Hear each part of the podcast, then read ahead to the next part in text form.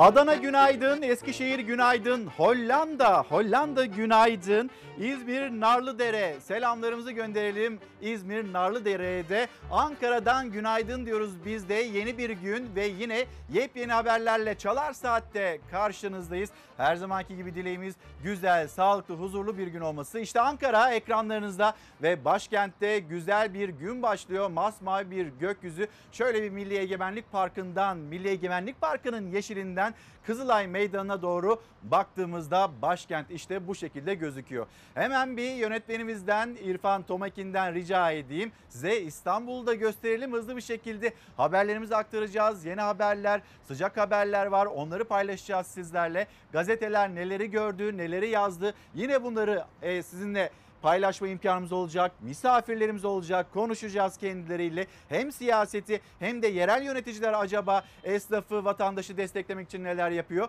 İşte İstanbul'da böyleydi. İstanbul'da da şu saat itibariyle güzel bir hava var. Hızlıca sizi memleket havasıyla buluşturalım. Çünkü AFAD'dan uyarılar var Marmara bölgesi ve çevresindeki illerle ilgili.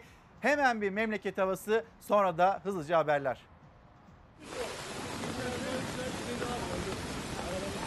Tamam siz kaçıncı kattasınız? Tamam teyze ev kaç katlı? Yukarı çıkma ihtimalin var mı? Gözyaşları içinde kurtarın beni dedi itfaiye ekiplerine ne kapıyı açabiliyor ne de camdan dışarı çıkabiliyordu. Evin içine dolan suda mahsur kalmıştı. Yardımına iş makinesiyle yetişildi. Meteoroloji günlerdir uyarıyordu. Sakarya'dan sonra Düzce ve Bursa'da şiddetli yağmurla seli yaşadı sabahtan akşama. Düzce Cuma yeri de Mısırlı Deresi taştı. İki yıl önce selde 7 kişinin hayatını kaybettiği Esma Hanım köyünün yolu çöktü. 9 ev su basması riskine karşı boşaltıldı. 4 kişilik bir aile evlerinde mahsur kalmıştı. Aileyi çıkardılar. Aileyi çıkardılar. Kaç kişilik bir aileydi? 4 kişilik bir aile. Aileyi çıkardılar ancak hayvanlar vardı. Hayvanları arada serbest vaziyette bıraktık. Çünkü diğer tarafta da bahçenin olduğu yerde de çok su var. Hayvanların boğulma riskine karşı şu an en emniyetli yer ahır. Hadi arkadaşlar! Arkadaşlar biraz edin. Kaç kişiydiniz evde? Konuralp'te Tepecik mahallesinden de bir telefon aldı itfaiye ekipleri. Arayan 70 yaşındaki Zekiye teyzeydi. O da su dolan evinde mahsur kalmıştı. Ne dışarı ne de yüksek bir yere çıkabiliyordu. Gözyaşları içinde kurtarın beni dedi. Tamam geliyor. panik yapma hemen geliyorlar. Hemen geliyor. İtfaiye ekibi yolları göle dönen mahalleye iş makinesiyle girdi. Zekiye teyze ve evdekiler kurtarılıp kepçeyle güvenli bölgeye taşındı. Bursa'da sabah saatlerinde başlayan yağmur sel oldu. Evler, iş yerleri, sokaklar suyla doldu. Çatıda mahsur kalan bir adam olduğu yerden kendi imkanlarıyla kurtuldu. Su çekildiğinde evler, eşyalar kullanılmaz haldeydi. Sel mağdurları evlerinden kovalarla çamur taşıdı. Giresun'da 15 dakika süren sağanak nedeniyle dereler taştı. Yollar selin taşıdığı molozlarla doldu. Giresun Alucra Karayolu trafiğe kapandı. Mersin Avgadı Yaylası'ndaysa dolu ve sağanak etkili oldu. İki gün önce selle mücadele eden Sakarya Kocaeli'de ise selin yaraları sarılmaya çalışılıyor. Belediyenin ziyaret ettiği bölgede sel mağduru 65 yaşındaki Kıymet Arar karşısında ekipleri görünce duygulandı. O gözyaşlarını dökme inşallah. Tamam. Allah'ın izniyle bu yaralar sarılır. Eşyalar da yenilenir, yıkanır da. Tamam teyzeciğim. Sen üzülme inşallah. Sen üzülme. Dün şiddetli yağmur alan İstanbul ve Kocaeli için meteoroloji bir kez daha uyardı. Marmara bölgesi haftanın son iş gününe kadar yağmurlu. Özellikle İstanbul ve Kocaeli'de sel baskınlarına karşı aman dikkat diyor meteoroloji. Sıcaklıkta önemli bir düşüş yaşanmayacak. Ancak yağmur hafta sonuna kadar bölge bölge etkili olmaya devam edecek. Marmara'da her gün beklenen yağmur zaman zaman Karadeniz ve Doğu Anadolu'yu da ıslatacak. Şendur Hanım aracılığıyla İstanbul'a günaydın. Gülseren Özdeniz az önce de zaten haberimizde e, hava durumunda bunu paylaştık. Sapanca'dan günaydın. Güzel bir gün olsun. E, Sapanca'da hava çok ağır yağmur yağıyor birkaç gündür ama ne yağmur kovalardan boşalıyor. Bugün başlığımız çok ağır. Neden bu başlığımızı seçtiğimizi belirlediğimizi az sonra paylaşacağım sizinle. İzmir bir kez daha günaydın. Erzincan'dan sağlıklı huzurlu bir gün diliyorum diyor. Atilla Bey selamlar. İzmir Balçova günaydın. Ankara e, günaydın diyor bizlere. Yayınımızda Ankara'dan gerçekleştiriyoruz. Semra Gökdemir'e selamlar. Abdülkadir Bey Ceyhan'dan bizlere günaydın diyor. Çerkezköy Kapaklı'ya da Ayşegül Kargın aracılığıyla bir günaydın diyelim ve gelelim başlığımıza. Çok ağır. Bu başlığı aslında geçim için kullanabiliriz. İşte hayat şartlarıyla ilgili kullanabiliriz. Siyasetin cümleleri için kullanabiliriz.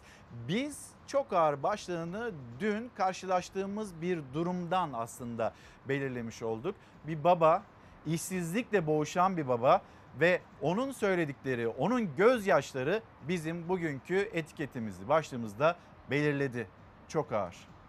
Bir buçuk yıldır iş arıyoruz. Utansınlar. Yani bizleri bu hale getirenler utansınlar. Allah ıslah etsin. Koskoca Türkiye Cumhuriyeti içinde bir vatandaşım. Çocuklarıma ben kendimi bir ev muhafaza edemiyorsam, çocuklarımın ihtiyaclarını gideremiyorsam ben kendimi e, insan gözüyle göremiyorum artık. Şoför olarak ne bana verilen ne iş varsa ben şoför olarak görevimi yaparım. Buraya gelmişiz şimdi gideceğiz yani mantıksız. Pek bir şey diyemeyeceğim ya. Yani kusura bakmayın devam edemeyeceğim ama Allah ıslah İşsizliğin yükü çok ağır. Türkiye'nin en önemli sorunlarından birisi hatta öncelikli gündem maddesi işsizlik. Bu meseleyi nasıl çözeceğiz? Bunu konuşmamız gerekirken gündem başka başka yerlere savruluyor ve maalesef çok da ekonomi konuşulmuyor. Belki de konuşulması istenmiyor ama hayat, geçim şartları çok ağır. Yeni Çağ Gazetesi ile bir geçiş yapmış olalım isterseniz. Bakın Yeni Çağ Gazetesi'nin manşeti. TÜİK hafta başın, başında e, enflasyon rakamlarını açıkladı. Enflasyon rakamlarına göre memurun emeklinin maaşları yine belirlendi. Ama o enflasyon rakamlarına baktığımızda önümüzdeki günlerin geçimin de çok ağır geçeceğinin ipuçları zaten TÜİK tarafından da paylaşılmış oldu. Geldiğimizde baktığımızda manşete zam dalgasıyla fiyatlar pik yapacak. Hani biz koronavirüste bir pik, yeni bir dalga olur mu olmaz mı bunu konuşuyoruz ama yine konuşmamız gereken, yine üzerinde durmamız gereken konulardan birisi ekonomi, işsizlik, geçim meselesi. Burada da bir pik beklentisi var. Üretici fiyatlarındaki artış %43'e ulaşınca perakendeciler ücret artırmak için harekete geçti. Hazır giyim, beyaz eşya ve elektroniğe %20, mutfak ürünleri ve otomotive %50 zam yolda. Zincir Mağazalar Derneği Başkanı Tınaztepe yeni sezonda %35 fiyat artışı öngördüklerini belirtirken Türk Elektronik Sanayicileri Derneği Başkanı Tunaoğlu da hiçbir üretici zararına iş yapmak istemez. Zam kaçınılmaz ifadesini kullandı. Bir tarafta %35'lik e, artışlar Zincir Mağazaları Derneği'nden uyarı. İşte elektroniğe önümüzdeki günlerde zam gelecek hatırlatmaları. Gıda Perakendecileri Derneği Başkanı Galip Aykaç da ham madde fiyatlarının yüksek seyretmesi, iklim değişikliğinin tarımı olumsuz yönde etkilemesi, lojistik fiyatlarının artması, yüksek faiz ve döviz kurunun piyasaları vurduğunu söyledi. Şu anda belki çok da yansıtılmıyor olabilir. Ama önümüzdeki günlerde üretici enflasyonuna baktığımızda %43'e ulaşan üretici e, enflasyonuna baktığımızda bunun gıda enflasyonunu daha da ya da işte bu kalemde enflasyonu daha da arttıracağını önümüzde böyle zam yağmurunun olabileceğinin uyarıları yine derneklerden geliyor. Bunu konuştuktan sonra hemen bir akşam gazetesine geçelim. Akşam gazetesinin manşeti yani bir bu eksikti. Biz koronavirüsle onun mutasyonlarıyla delta ile vesaireyle uğraşırken bir de delta plus varyantı vardı dünyada ve Türkiye'ye de geldiği bilgisini Sağlık Bakanı Fahrettin Koca açıkladı. Başımıza bir de Plus çıktı. Türkiye'de 3 Delta Plus vakası var. Biri İstanbul'da olmak üzere 3 şehirde tespit edilen Delta Plus varyantı kolay bulaşma ve antikor direncini aşma konusunda endişe yaratıyor. Sağlık Bakanı Koca yeni varyantlarla ilgili son durumu paylaştı. Delta görülen il sayısının 30'a, vakaların 234'e yükseldiğini söyleyen Koca, 3 de Delta Plus tespit edildi. Biri İstanbul'da, diğer iki ili söylemeyeyim. Hastalar ayakta izleniyor, takip ediliyor dedi. Hindistan Tıp Bilimleri Enstitüsü Direktörü ülkede çıkan Delta Plus ile ilgili yakalanmak için bir hastanın yanından maskesiz geçmek yeterli. Bakın yakalanmak için bir hastanın yanından maskesiz Bir an yani maskesiz geçmeniz yeterli. Yeni varyantın antikorlara direnci ve bağışıklığı atlama yeteneği e, endişe verici uyarısını yapmıştı. Yine hatırlatmasını akşam gazetesiyle birlikte yapmış olalım. Türkiye'nin koronavirüs tablosuna isterseniz bir bakalım. Tablo değişti. O değişen tabloyu da hemen böyle ekranlarınıza bir getirelim. Bazı iller mavi, bazı iller sarı, turuncu, kırmızı olan iller var. Hızlı bir şekilde aşılanmaya ihtiyacımız var ve zaten uzmanlar da bakanlıkta bunun uyarılarını yapıyor. Türkiye tablosunun hemen altına baktığımızda yapılan test sayısını 226.651 olarak görüyoruz. Vaka sayısı 5299, vefat sayısı 37 ve iyileşen hastaların sayısı 4446 olarak veriliyor. Ankara'da %67.9 böyle bir aşılama oranı. İstanbul'da %59.5, İzmir'de %68.8, Muğla'da Muğla'da çok daha ileri ve görüyorsunuz Türkiye haritasında Muğla mavi ve yüz akı olan şehirlerden ve ilk sırada olan şehir Muğla %80.3'lük bir değerleme ile oranla. Ve gelelim Türkiye'nin koronavirüs tablosuna. Düne kadar birkaç e, mutasyondan bahsederken e, giderek mutasyonların da arttığını ve daha tehlikeli bir boyuta geldiğini görüyoruz. Örneğin Delta'dan bahsederken bugün Delta Plus mutasyonundan yani bir virüsta birden fazla mutasyondan söz edi- söz ediyoruz. Daha bulaşıcı olan delta varyantı hızla yayılırken Türkiye'de ilk kez delta plus mutasyonuna da rastlandı. Koronavirüs salgınında tehlike büyüyor, hızlı aşılamanın önemi artıyor. Delta Plus 3 farklı ilde olmak üzere 3 kişi de görüldü. İllerden biri İstanbul. Bu kişiler aşılı değiller. Her aşı hangi aşı olursa olsun COVID-19 olmaktan çok daha iyidir. Aşılamanın etkisi vefat ve vaka sayılarına yansımaya başladı. Günlük vefat sayısı 40'ın altında kaldı. 24 saatte 37 hasta yaşamını yitirdi. Ancak mutasyonlar yaygınlaşmadan nüfusun büyük bir kısmının aşılanması gerekiyor. Türkiye ise şimdilik nüfusun sadece %25,84'ünü çift doz aşılayabildi. Vefat sayılarının düşmesi tamamen e, vefat oranları yüksek olan risk gruplarının aşılanmasıyla ilintili bir durumdur. Aşılamada önde olan illerde vaka sayıları da düşük. Örneğin Muğla tek doz aşıda %80,3 ile ilk sırada. Sağlık Bakanlığı'nın 100 binde kaç vaka olduğunu gösterdiği diğer haritada da Muğla 100 binde 17 vakayla riskin düşük olduğu iller arasında. Ancak güncellenen bu haritada önceki haritaya göre İstanbul'da vakalarda gerileme sağlanmadı. O yüzden de aşılamayı hızlandırmaya çabalıyor Sağlık Bakanlığı. 24 saatte 1 milyondan fazla aşı yapıldı. Bugün 1 milyoncu dozu siz yaptınız.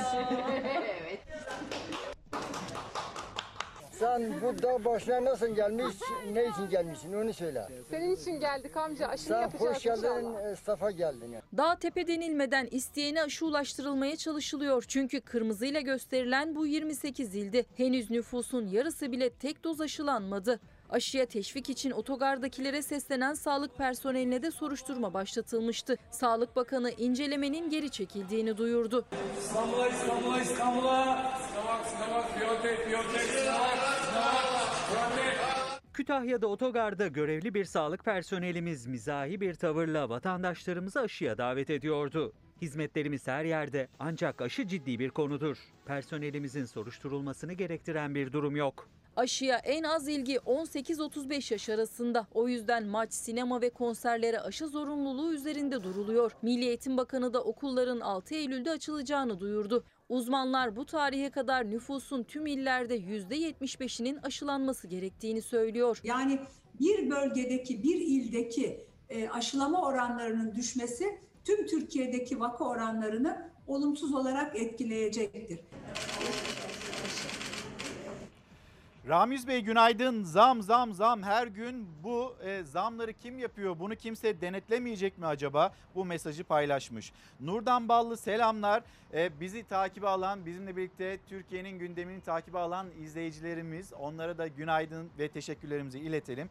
Nurdan Ballı diyor ki artık hayatın yükü çok ağır. Geçinmek için 40 takla atıyoruz. Sevgiler Marmaris'ten demiş. Marmaris'e bizler de sevgilerimizi gönderelim. Bir izleyicimiz o mesajı da paylaşmak istiyorum. Fevzi Sağanak göndermiş. Sayın Karagöz ben 3 aydır 5000 liraya çalışacak çaycı bulamıyorum. Biraz doğru haber yapın. Bence siz oraya çıkıp ağlattıklarınızda daha çok para veriyorsunuz. Şimdi Fevzi Bey'in, Fevzi Sağanak'ın değerlendirmesi bu şekilde. E, açıkçası ben bunu üzücü buldum. Orada gözyaşı döken baba açısından da üzücü buldum. İşte geniş tanımlı bu ülkede 10 milyon kişi var. Geniş tanımlı işsizliğe baktığımızda 10 milyon kişi işsiz. E, onlar açısından üzücü buldum. Gençlerimiz açısından, iş bulamayan gençlerimiz açısından da üzücü buldum. Türkiye'de her 4 gençten birisi işsiz. Yani Fevzi Bey. Yine bununla ilgili isterseniz yorumu ben yapmayayım. Siz de burada yorumlar e, içinde takipte kalın. İzleyicilerimize soralım. Yani bizim yaptığımız haberler doğruyu yansıtıyor mu, yansıtmıyor mu? Gerçekten sizin söylediğiniz gibi bir işsizlik yok mu? Ya da herhalde şunu söylemeye çalışıyorsunuz. Gençler iş beğenmiyor. Öğretmen yapmışsınız, atamamışsınız. Çaycılık teklif ediyorsunuz. Burada bu arkadaşlarımızın iş beğenmeme lüksü var. Çünkü onları siz öğretmen olarak okutmuşsunuz. Öğretmen olarak yetiştirmişsiniz. Sonra sağlıkçılarımız, sağlıkçılarımız mezun olmuşlar, dirsek çürütmüşler. Onların bence işle ilgili böyle bir hassasiyet geliştirmeleri normal. Ama siz hani eğitimli kişiler, üniversite mezunları onları alalım yanımda çaycı olarak çalıştıracağım diyorsunuz. Burada iş beğenmemezlik noktasında ben o gençlere bir eleştiri yöneltmiyorum. Onların haklı olduğunu düşünüyorum. Ama şunu da söyleyeyim biz mevsimlik işçi olarak tarlalarda çalışan öğretmenleri gördük. Marketlerde çalışan, garsonluk yapan arkadaşlarımızı gördük. Bence hakkaniyetsiz olmuş bu e, yorumunuz ama yine de izleyicilerimizle de paylaşma imkanımız olsun. Fevzi Sağanak böyle düşünüyor. 5000 liraya ben çaycı arıyorum. Siz de doğru haber yapmıyorsunuz. Kimse de iş beğenmiyor ya gelen bir değerlendirme. Siz ne düşünüyorsunuz? Gerçekten öyle mi değil mi? Hep birlikte konuşalım. Karar Gazetesi, Karar Gazetesi'nin manşeti Tosun'a gizlilik. Çiftlik Bank üzerinden bu arada yeni bir gelişme var, sıcak bir gelişme var. 26 saat süren ifade verme işlemi tamamlandı ve 60 sayfalık sorulara yanıt verdi Tosuncuk lakaplı Mehmet Aydın ve şimdi de Anadolu Adliyesi'ne sevk edildi. Hangi sorular soruldu kendisine? Param var, borçlarımı ödeyeceğim demişti. Sorulan ilk soru da buydu. Başka sorular da var onları da paylaşalım. Çiftlik Bank üzerinden 1 milyar liralık vurgun yapıp yurt dışına kaçan Mehmet Aydın'la ilgili soruşturmaya gizlilik getirildi. Karar kamuoyunda rahatsızlık yarattı. 132 bin kişinin dolandırıldığı dosyada neden böyle bir ihtiyaç duyuldu sorusu gündeme geldi. Niçin böyle bir dosyaya gizlilik kararı alınır. Türkiye'de kar payı vaadiyle yüksek miktarda para toplayıp ardından firar eden ve Brezilya'da teslim olup İstanbul'a getirilen Mehmet Aydın'ın emniyetteki sorgusuna başlandı ve az sonra da biz bitişini ve son görüntülerini paylaşacağız. Tosuncuk lakaplı Aydın'a yanında getirdiği 300 sayfa evrakın incelenmesi ve müfettiş raporlarıyla karşılaştırılmasının ardından 60 sayfadan oluşan sorular yöneltilmeye başlandı. Aydın'ın 3 avukatı eşliğinde ifade verdiği bilgisi yine paylaşılıyor. Bir de gizlilik kararı var bu dosyayla ilgili. Hemen gelelim bu konuya dair son dakika bilgileri, gelişmeleri nasılmış? Kamuoyunda tosuncuk olarak bilinen Mehmet Aydın'ın İstanbul Saatler sonra böyle görüntülendi Tosuncuk lakaplı Mehmet Aydın. Polis koridoru içinde kelepçeli halde emniyetten çıktı. Anadolu Adliyesi'ne savcıya sevk edildi. Ben Mehmet Aydın. Bilindiği gibi Çiftlik Bank'ın kurucusu ve mucidiyim. Mağduriyetimi kanıtlamak için kendi bir kendi hür e, irademle Türk yargısına teslim olacağım. 60 sayfa soru, 26 saat sorgu. Tosuncuk lakaplı Mehmet Aydın'ın ifade işlemi tamamlandı. Türkiye'de çok sayıda kişiyi dolandırdığı iddiasıyla aranan 2 Temmuz'da Brezilya'da başkonsolosluğa teslim olduktan sonra Türkiye'ye getirilen Aydınlı Çiftlik Bank'ın kurucusu ve davanın kritik ismi. Şirketin çok fazla büyümesi, etrafımdaki kötü niyetli insanların haksız kazançlar elde etmesi ve etmeye çalışmalarını şirketin büyüklüğünü büyüklüğü nedeniyle geç fark ettiğimden sizler gibi ben de mağdur oldum. Teslim olmadan önce bir video paylaşmış kendisinin de mağdur edildiğini savunmuş ve borçlarını ödeyeceğini söylemişti. Ondan fazla suçtan aranıyordu Aydın. Özel bir ekip tarafından yürütülen sorgulama işlemi emniyette gece 23'te tamamlandı. 3 yıllık firarda kendisine kimlerin yardım ettiği, mağdurlardan topladığı paradan geriye kalan 322 milyon liranın nerede olduğu yine sorulan sorulardandı. Aydın şimdi önce savcı ardından da hakim karşısına çıkacak. Efe Deniz günaydın. İş çok diyen kişiyi Diyarbakır'a da gönderir misiniz? Orada da bir iş yeri açsın ve buradaki tabloyu bir görsün diyor. Yani Diyarbakır'da bununla karşılaşıyoruz. Memleketin her yerinde bununla karşılaşıyoruz. işsizlikle karşılaşıyoruz. Etrafımızda hepimiz sokaktayız. Esnafın durumunda görüyoruz, işsizliği de görüyoruz, hayat pahalılığını da görüyoruz. Bunlar çok fazla konuşulmuyor. Ya da işte az önce de söyledim konuşulması istenmiyor. Gündem böyle siyasetin polemikleriyle boğulsun da orada ekonomiye de şöyle bir başımızı kaldıralım. Ne oluyor bu ekonomide diye sorulmasın isteniyor belki de. Ama bunları konuşalım. Fevzi Bey onun değerlendirmesi bu şekilde. Ama diğer tarafta siz ne yaşıyorsanız lütfen bunu da bizimle paylaşın istiyoruz. Biz asgari ücretle iş bulamıyoruz. 5000'e çaycı mı arıyor? Gerçekten mi? 5000 lira mı veriyormuş diye bir başka yorum Şenur Hanım'dan gelmiş. Afyonkarahisar'dan da bizi takipte olan bir izleyicimiz belediyenin hala zam yapmadığını söylüyor ve biz 3000 lirayla geçinmeye çalışıyoruz. Asgari ücretin biraz üzerinde ama açlık sınırında milyonlarca kişi maaş alıyor. 5000 liraya ben çaycı bulamıyorum diyor. Bir başka izleyicimiz de Fevzi Bey'in göndermiş olduğu mesajda bu şekilde. Az önce de gördüğünüz Mucit işte ifadesini verdi. Anadolu e, Adliyesi'ne sevk edildi. Önce savcının karşısına çıkacak. Ondan sonra hakim karşısına çıkacak. Gelişmeleri bizler de sizinle paylaşmaya devam edeceğiz. O zaman ekonomiden devam edelim. Bolca ekonomi konuştuk. Bir kiralara bakalım, bir faturalara bakalım. Bir de yapılan zamlara. O yapılan zamlar bizim faturalarımızı ödüyor mu? Kiralarımızı ödemeye yetiyor mu? Konuşalım. Emekli misiniz? Emekliyim. Ne kadar emekli maaşı alıyorsunuz?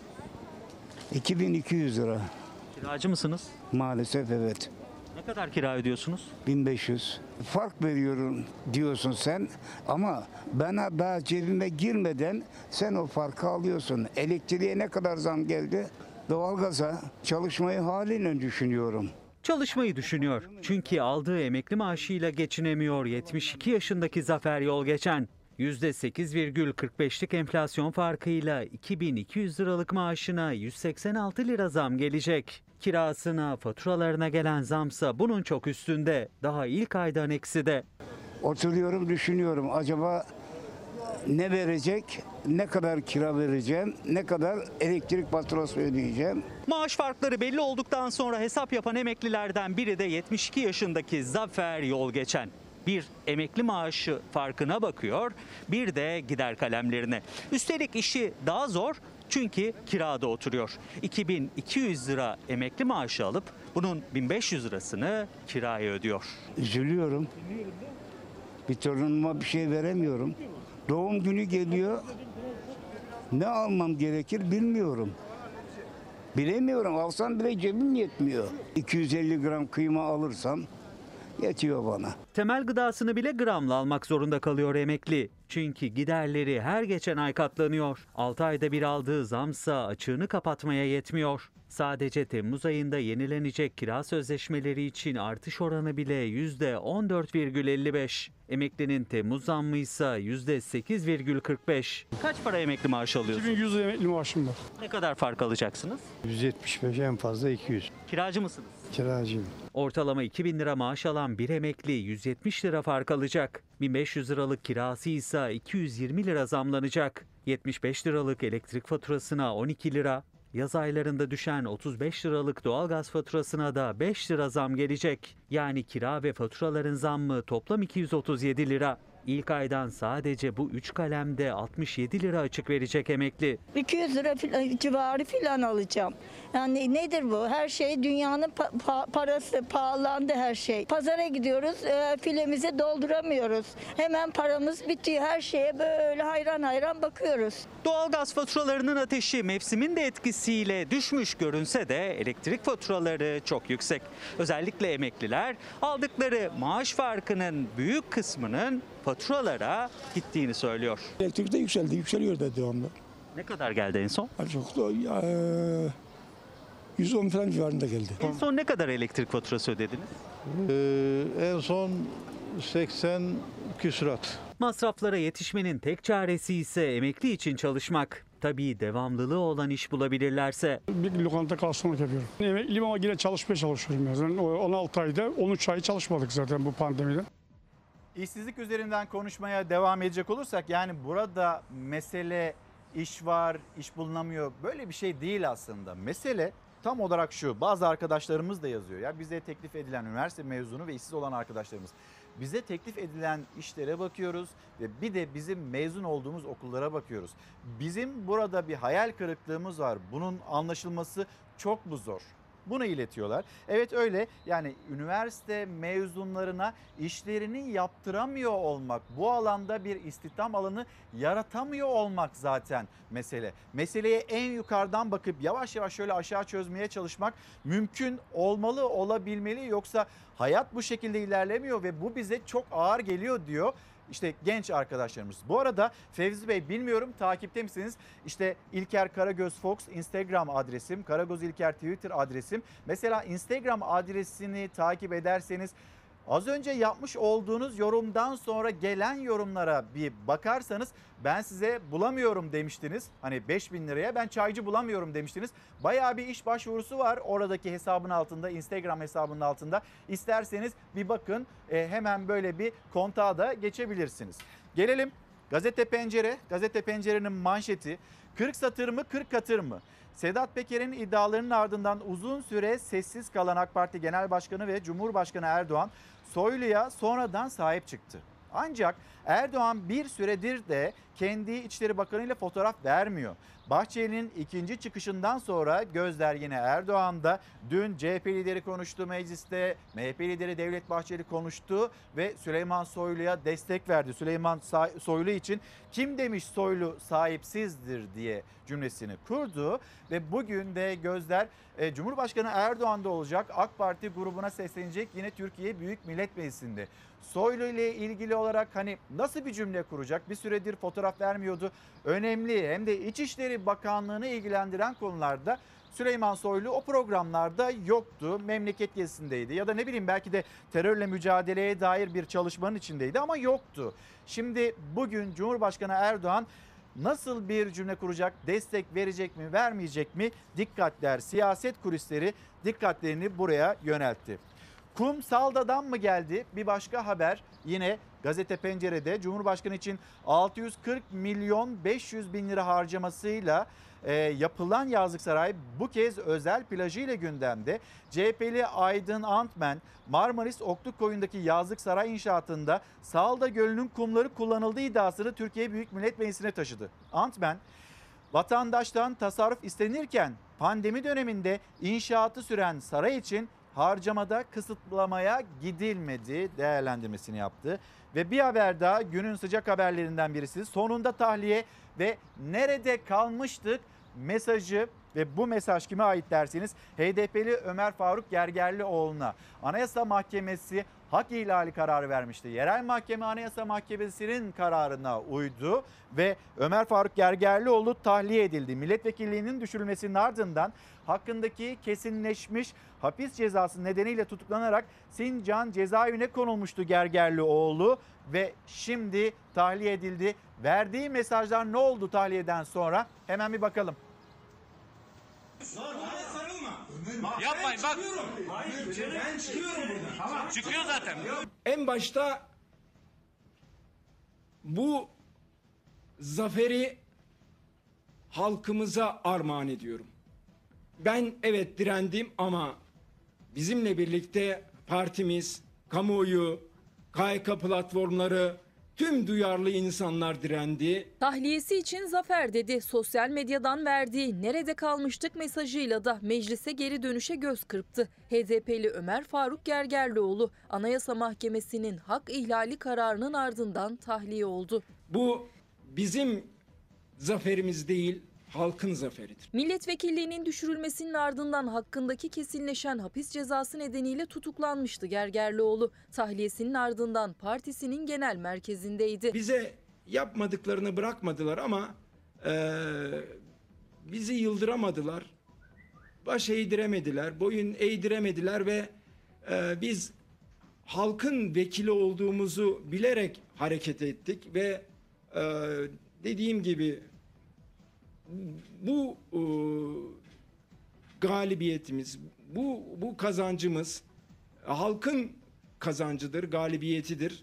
Anayasa Mahkemesi'nin hızlı bir süreç işlettiğini ve net bir karar verdiğini söyledi. Yüksek Mahkeme'ye teşekkür etti. Kararın kapatma davası ve cezaevindeki diğer HDP'liler için, Selahattin Demirtaş için, Figen Yüksekdağ için emsal olduğunu söyledi. Bizim çıkmamız diğer arkadaşlarımızın e, özgürlüğünün habercisidir. Bizim çıkmamız partimize yapılan saldırıların biteceğinin işaretidir. Kobani davasının, kapatma davasının e, e, bir sonuç alınmaksızın e, tamamen hukuksuz bu davaların e, sonuçsuz olacağının ortaya çıkmasıdır benim e, çıkmam. O yüzden halkın yüzü gülsün diyorum bugün. Benim içim gülüyor, kalbim gülüyor. Hepinizin de yüzü gülsün. E, inşallah diğer arkadaşlarımız da çıkacak. Siyasette bir polemik başlığına bakacağız. Tank palet fabrikası üzerinden Cumhurbaşkanı Erdoğan ve yine e, CHP lideri Kılıçdaroğlu arasında devam eden o polemik ve salvolar. Murat Bey diyor ki çok mu ağır geliyor vekillerimize? Tebdili kıyafetle aramızda karışsınlar. Yo yani niye tebdili kıyafetle? Normal bir şekilde kıyafetleriyle bir vatandaşın arasına karışsınlar e, Murat Bey. Aslında siz de buna da dikkat çekmeye çalışıyorsunuz. Otobüse binsinler, vapura binsinler, ceplerine bizim gibi az para alsınlar. Bir çarşı pazara çıksınlar, bir alışveriş yapsınlar. Çok mu zor acaba bizim durumumuzu anlamak? Ve diyor ki unutmasınlar toprağın altında zengin de bir, fakir de bir. Murat Ünel. Ve gelelim siyasetin o bir başka polemik tartışmasına konusuna tank palet fabrikası. 2014 yılında 5 tane Altay tankı üretiliyor. Ama Erdoğan bunu istemiyor. Tank üretilmesini istemiyor. Altay tankımızın üretimini de 2023'ün başında yapacağız. Bu temel bir milli güvenlik sorunudur. Türkiye Cumhuriyeti Devleti'ne tank yaptırmamak için yapılan bir girişimdir. Ve bunun bir numaralı aktörü de Recep Tayyip Erdoğan'dır. İkinci aktörü de Devlet Bahçeli'dir. CHP lideri Kılıçdaroğlu tank palet fabrikasının Katar ortaklı özel şirkete devredilmesinin asıl amacı tank üretmek değil, Türkiye'ye tank ürettirmemek dedi. Cumhurbaşkanı ve Bahçeli'yi ihanetle suçlayarak. Türkiye Cumhuriyeti Devleti'ne tank ürettirmemek ne demektir?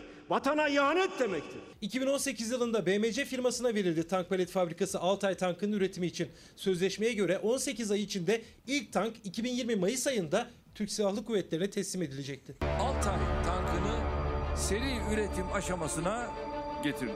Buradan Altay'ı bir defa inşallah 2023'ün başında orduya teslim törenini yapacağız. Bir söylediği diğerini tutmayan bir kişiyle karşılaşıyorum. CHP lideri Cumhurbaşkanı Erdoğan'ın tank palet fabrikası ve Altay tankı üretimiyle ilgili geçmişteki sözlerinin yer aldığı klibi izletti grup salonunda.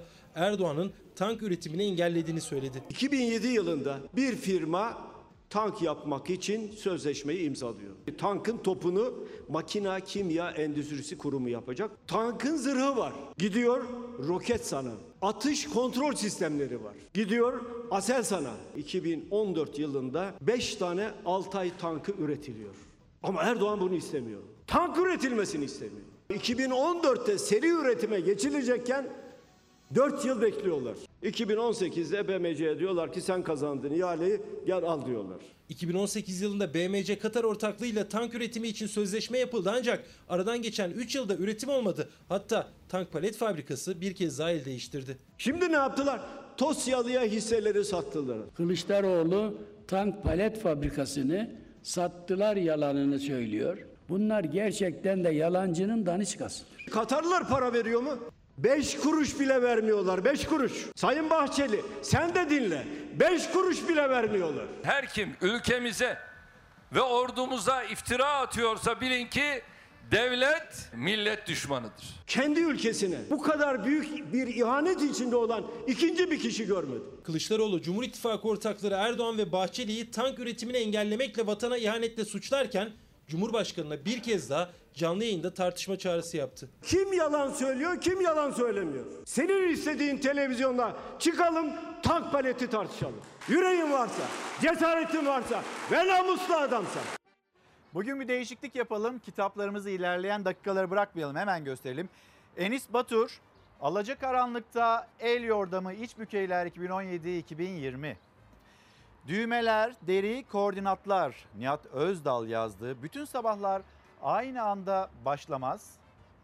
Ve Boğaz'ın insanları, Boğaz içinde tanıdık yüzler Artun Ünsal tarafından yazıldı ve bu kitaplarda yayın evi tarafından da bizimle paylaşıldı. Kendilerine teşekkür ediyoruz. Şimdi bir molaya gideceğiz. Orada ben mesajlara bakayım. Yeni haberlerimiz hemen şöyle bir akışımızı bir kez daha gözden geçirmiş olalım ve yine molanın dönüşünde bir siyasi parti liderini ağırlayacağız. Siyaseti konuşacağız ama çokça vatandaşı, ekonomiyi konuşmak istiyoruz. Çünkü kendisi de sokakta, çarşı pazarda olan esnaf gezen bir lider. Acaba onun karşılaştığı durum ne? Soracağım sorulardan bir tanesi bu olacak. Bir mola dönüşte buluşalım. Efendim bir kez daha günaydın. Çalar Saat devam ediyor. Mersin'den bir mesajla devam edelim. Gerçekten çok ağır yeni zamlar çok etkiledi. 25 gün içinde cam sektörüne %23 zam geldi. Bu kabul edilemez. Temmuz'da ekonomi uçacak demişlerdi. Biz böyle olacağını beklemiyorduk. Ters köşe yaptılar vatandaşı. Gelen bir mesaj Mersin'den ve şimdi bir haber paylaşacağız. Sıcak bir haber de paylaşalım istiyoruz sizlerle. Ee, Bir kararname resmi gazetede de yayımlandı. 10 ilin emniyet müdürü merkeze görevlendirildi. 33 ile ise yeni emniyet müdürü geldi ve resmi gazetede yayımlanan o haber. Biz Türk polisiyiz. Adaletin 10 ilin emniyet müdürü merkeze görevlendirildi. 33 ile yeni emniyet müdürü geldi. 27 yurt dışı misyonuna da İçişleri müşaviri atandı. Cumhurbaşkanının imzasıyla gece gelen kararname resmi gazetede yayımlandı. Afyonkarahisar, Bartın, Diyarbakır, Erzincan, Iğdır, Isparta, Kırıkkale, Niğde, Tekirdağ ve Trabzon il emniyet müdürleri merkeze çekildi. Cama. Atama kararnamesiyle 33 ile de yeni atamalar yapıldı. Mersin Emniyet Müdürü Mehmet Şahne İzmir Emniyet Müdürlüğü'ne, İzmir Emniyet Müdürü Hüseyin Aşkınsa Diyarbakır Emniyet Müdürlüğü'ne getirildi. Merkeze alınan bazı müdürler yurt dışı görevlere atanırken Bartın Emniyet Müdürü Çetin Bozkuş İstihbarat Başkan Yardımcılığına getirildi. Kararname ile yurt dışı misyonlara İçişleri Müşaviri atamaları da yapıldı. Aşı ve aşının ücretiyle ilgili bir tartışma devam ediyordu. Cumhurbaşkanı işte Avrupa'yı örnek gösterdi. Amerika Birleşik Devletleri'ni bazı ülkeleri örnek gösterdi. Burada 50 eurolar, 100 sterlinler, 50 sterlinler böyle fiyatlarla aşı yapılıyor. Bizim ülkemizde ücretsiz demişti. Ve sonra dünyadan örneklere bakıldı. Muhalefet bu açıklamayı eleştirdi ve burada da bir aşı polemiği başladı. Ama önce bir, bir gün gazetesini manşetini okuyalım. Doğruyla hiç işi yok. Gerçek olmadığı 1-2 dakika içinde öğrenilebilen bilgiler Erdoğan'ın ağzından kolayca çıkıyor. Yalanda ısrarın nedeni belli bir kitlede işe yaradığını düşünmeleri. Halk desteğini yitiren, anlatacak hikayesi kalmayan saray rejimi çevreyi yalanlar, e, çareyi yalanlarda arıyor.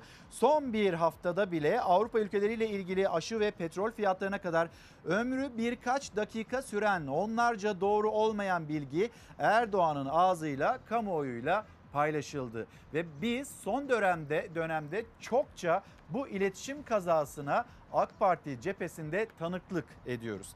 İletişim danışmanı Özkan e, günümüzü gerçek ötesi dönem olarak tanımlarken popülist siyasetin en önemli laboratuvarlarından biri Türkiye oldu. Siyasal İslamcılara ya da onun dilini kullanan siyasetçilere karşı öyle söylüyorlarsa doğrudur diye inanan bir kitle var dedi. Siyasal iletişimci Başsoy iktidar elindeki medya olanaklarıyla yalanı gerçek gibi gösterebiliyor. AKP'liler aya yol yaptık desek inanacak bir kitlemiz var rahatlığıyla yalan söylemekten çekinmiyorlar. Amaçları elde kalan tabanı konsolide etmek doğruyla hiç işi yok da bir gün gazetesinin manşeti. Cumhurbaşkanı bu ifadeleri kullandı ama Bakanlar Kurulu toplantısından sonra yapmış olduğu açıklamada aslında Erdoğan'ın ağzından bir düzeltme de geldi. Bugün Avrupa'nın en gelişmiş ülkeleri dahi şu aşılar var ya aşılar ücretle yapıyorlar. 50 sterlin, 100 avro. Aşı hizmetlerini de diğer ülkeler gibi ücretsiz olarak vatandaşımıza veriyoruz. Ben Sayın Cumhurbaşkanı yerinde olsam o beş maaşlı danışmanlar var ya bu millete karşı beni niye mahcup ediyorsunuz diye onlara bir hesap sorarım. Cumhurbaşkanı Avrupa'da bazı ülkelerde korona aşısı parayla yapılıyor demişti. Aslında ücretsiz olduğunu yine kendisi söyledi. Doğrudan aşıyı satamıyorlar ya yerine yalan satmaya çalışıyorlar. Bu yalanların hiçbir alıcısı artık yok. Avrupa'nın en gelişmiş ülkeleri, Amerika'da dahil hepsi şu Covid ile ilgili aşı var ya bu aşıyı ücretli yaptırıyor biliyor musunuz? Ücret alıyor, ücret. 25 Haziran'da ilk kez dile getirdi Avrupa'da aşının ücretli yapıldığını Cumhurbaşkanı 2 Temmuz'da bir kez daha üstüne basa basa söyledi. 50 sterlin, 100 avro. Biz aşılarda halkımızdan bir kuruş aldık mı? Dünyanın çoğu ülkesi aşı olanlara para verirken Cumhurbaşkanı Avrupa'nın 100 euro alarak e, aşı yaptığını söyleyebilecek kadar gerçeklerden kopmuş durumda. Muhalefet sadece Avrupa değil dünyanın hiçbir yerinde aşıdan devlet para almıyor derken Cumhurbaşkanı Erdoğan bu kez kabine toplantısı sonrası önceki açıklamalarının aksine cümleler kurdu. Hiçbir ülkenin aşı için ücret almadığını o da söyledi. Aşı hizmetlerini de diğer ülkeler gibi ücretsiz olarak vatandaşımıza veriyoruz. Acaba ya bu kadar aşı yapıyoruz bu aşıların karşısında para alabilir miyiz, para toplayabilir miyiz düşüncesi olabilir mi? Dünyanın pek çok yerinde testler ücrete tabi iken biz salgının başından beri vatandaşlarımıza ücretsiz test hizmeti sunduk. Cumhurbaşkanı dünyadaki gerçekleri çarpıtarak kendi başarısızlığını örtebileceğini zannediyor. Erdoğan aşıdan ücret alanlar var sözlerini günler sonra düzeltti ama bu kez de pek çok ülke testleri parayla yapıyor dedi. Müsilaj meselesine bakacağız. Bir Cumhuriyet Gazetesi, bir Milliyet Gazetesi bir de Çevre Bakanı Murat Kurum'un sosyal medya paylaşımıyla.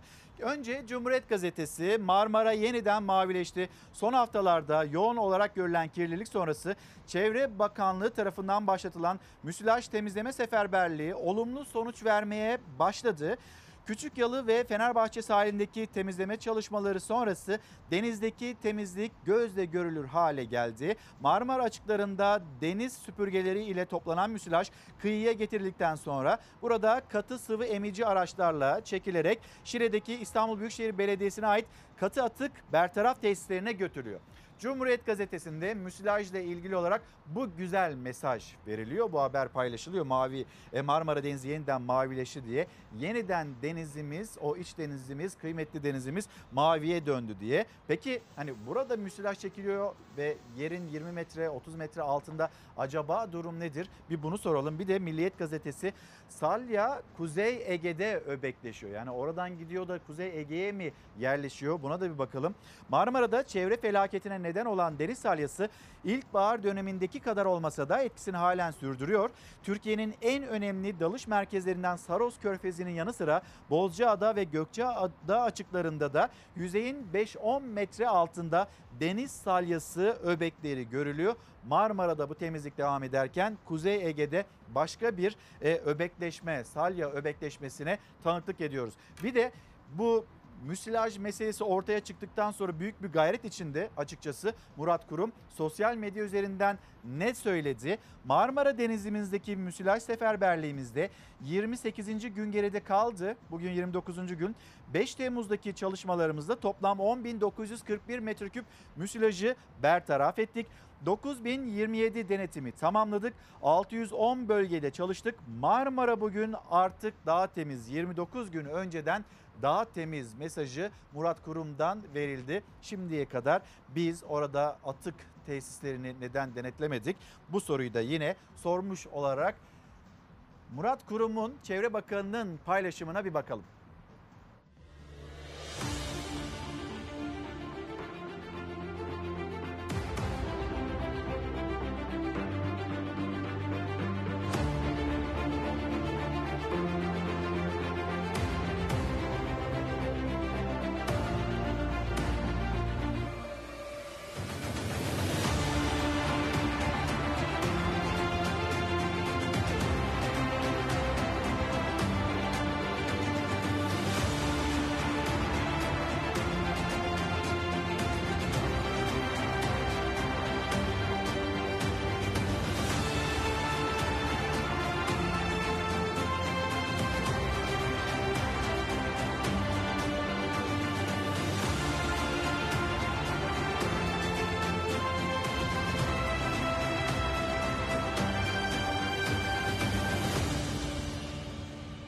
Marmara'da durum böyle. Şimdi Marmara'dan bahsetmişken bir de müsilaj felaketini yaşayan illerimizden birisi Tekirdağ. Tekirdağ'a gidelim ve Tekirdağ'da sahte içki nedeniyle gelen acı haberlere yenileri eklendi.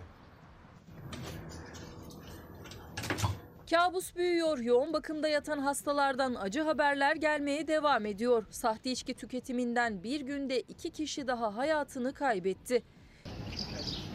Tekirdağ Çorlu'da 13 gün önce aynı gün benzer şikayetlerle hastaneye başvuranların sayısı artınca nedenin merdiven altı üretilen sahte içkiler olduğu anlaşıldı. İlk gün 13 hasta yoğun bakıma alındı ve hastalardan biri hayatını kaybetti. Ancak kabus bu kadarla kalmadı. Devam eden günlerde hasta sayısı da hayatını kaybedenlerin sayısı da artmaya başladı. Dün ona yükselmişti can kaybı. Bugün iki kişi daha sahte içki nedeniyle hayatını kaybetti. Sayı 12'ye yükseldi. Çorlu ve Tekirdağ polisleri ise sahte içki operasyonlarına devam ediyor. Muhteber Hanım günaydınlar. Her habere, Türkiye'nin gündemindeki her habere yetişmeye çalışıyoruz. Hem sıcak haberleri paylaşıyoruz hem siyasetin konuştuğu konuları paylaşıyoruz. Elimizden geldiğince hani akışımızı bu şekilde hem hazırlıyoruz hem de sizlere ulaştırma gayreti içindeyiz. İlker Bey günaydın. Diyor ki memlekette iş var da biz mi gitmiyoruz? Her yerde Afganlar çalışıyor, Suriyeliler çalışıyor, İranlı, Iraklı çalışıyor. Nasıl çalışıyorlar peki? E, sigortasız çalışıyorlar ya da vergisiz çalıştırılıyor bu kişiler. Sonra bizim vatandaşımıza dönüp bakan olmuyor. Burada da ciddi bir mesele var. Bunun da çözülmesi gerekiyor. Onu hatırlatıyor İlker Bey adaşım göndermiş olduğu mesajda. Bir de isterseniz öğretmenlerimize bakalım, atanmayan öğretmenlerimize bakalım. Memleketimizde bir acaba atanmayan öğretmen meselesi var mı yok mu? Cumhurbaşkanı Erdoğan'a Hatay'da ulaşmışlardı. Lütfen demişlerdi. Lütfen atama yapın. Ek 20 bin atama daha gerçekleştirin denildiğinde Cumhurbaşkanı hayır biz ihtiyacımız olanı aldık yanıtını vermişti. Sonra bir tartışma başladı. Şimdi o zaman hani eğer bu ülkenin artık bir öğretmen ihtiyacı yoksa eğitim fakültelerinden hala niye öğretmen mezun veriyoruz? Burada bir planlamaya ihtiyacımız yok mu? Böyle tartışma aldı başını gitti. Siyasetin de gündem başlarından birisi oldu. Milli Eğitim Bakanı'na soruldu bu konu. Sizin öğretmene ihtiyacınız var mı yok mu? Aslında biz biliyoruz öğretmene ihtiyaç var. Ücretli öğretmenlik diye bir şey varsa yani kadrolu öğretmenlik, sözleşmeli öğretmenlik, ücretli öğretmenlik böyle kademeler varsa öğretmene ihtiyaç da var. Yani taşeron işçi gibi öğretmenler çalıştırılıyor. Milli Eğitim Bakanlığı'nın kadroları kadroları içinde sözleşmeli öğretmenlik, ücretli öğretmenlik şeklinde ve evet bizim bir ihtiyacımız var. 470 bin öğretmen atamayı bekliyor. Bir kere bunu söyleyelim. Milli Eğitim Bakanı'na sorulduğunda Evet dedi Cumhurbaşkanından ayrı olarak ama biraz da böyle neyi kastettiğini ifade etmeye çalışarak hayır dedi yani bizim öğretmen ihtiyacımız var, öğretmen açığımız var. Bunun tespitini Milli Eğitim Bakanı Ziya Selçuk da yaptı. Yalvarıyoruz size ne olur yalvarıyorum lütfen. Ek 40 bin atana. İhtiyacımız neyse. Açık var. Sayın Cumhurbaşkanımızın kalabalık içerisinde ayaküstü bir konuşma söz konusuydu ve genel bir öğretmen ihtiyacı yok şeklinde bir ifade e, değildi. O salgın dönemiyle ilgili bir ifadeydi.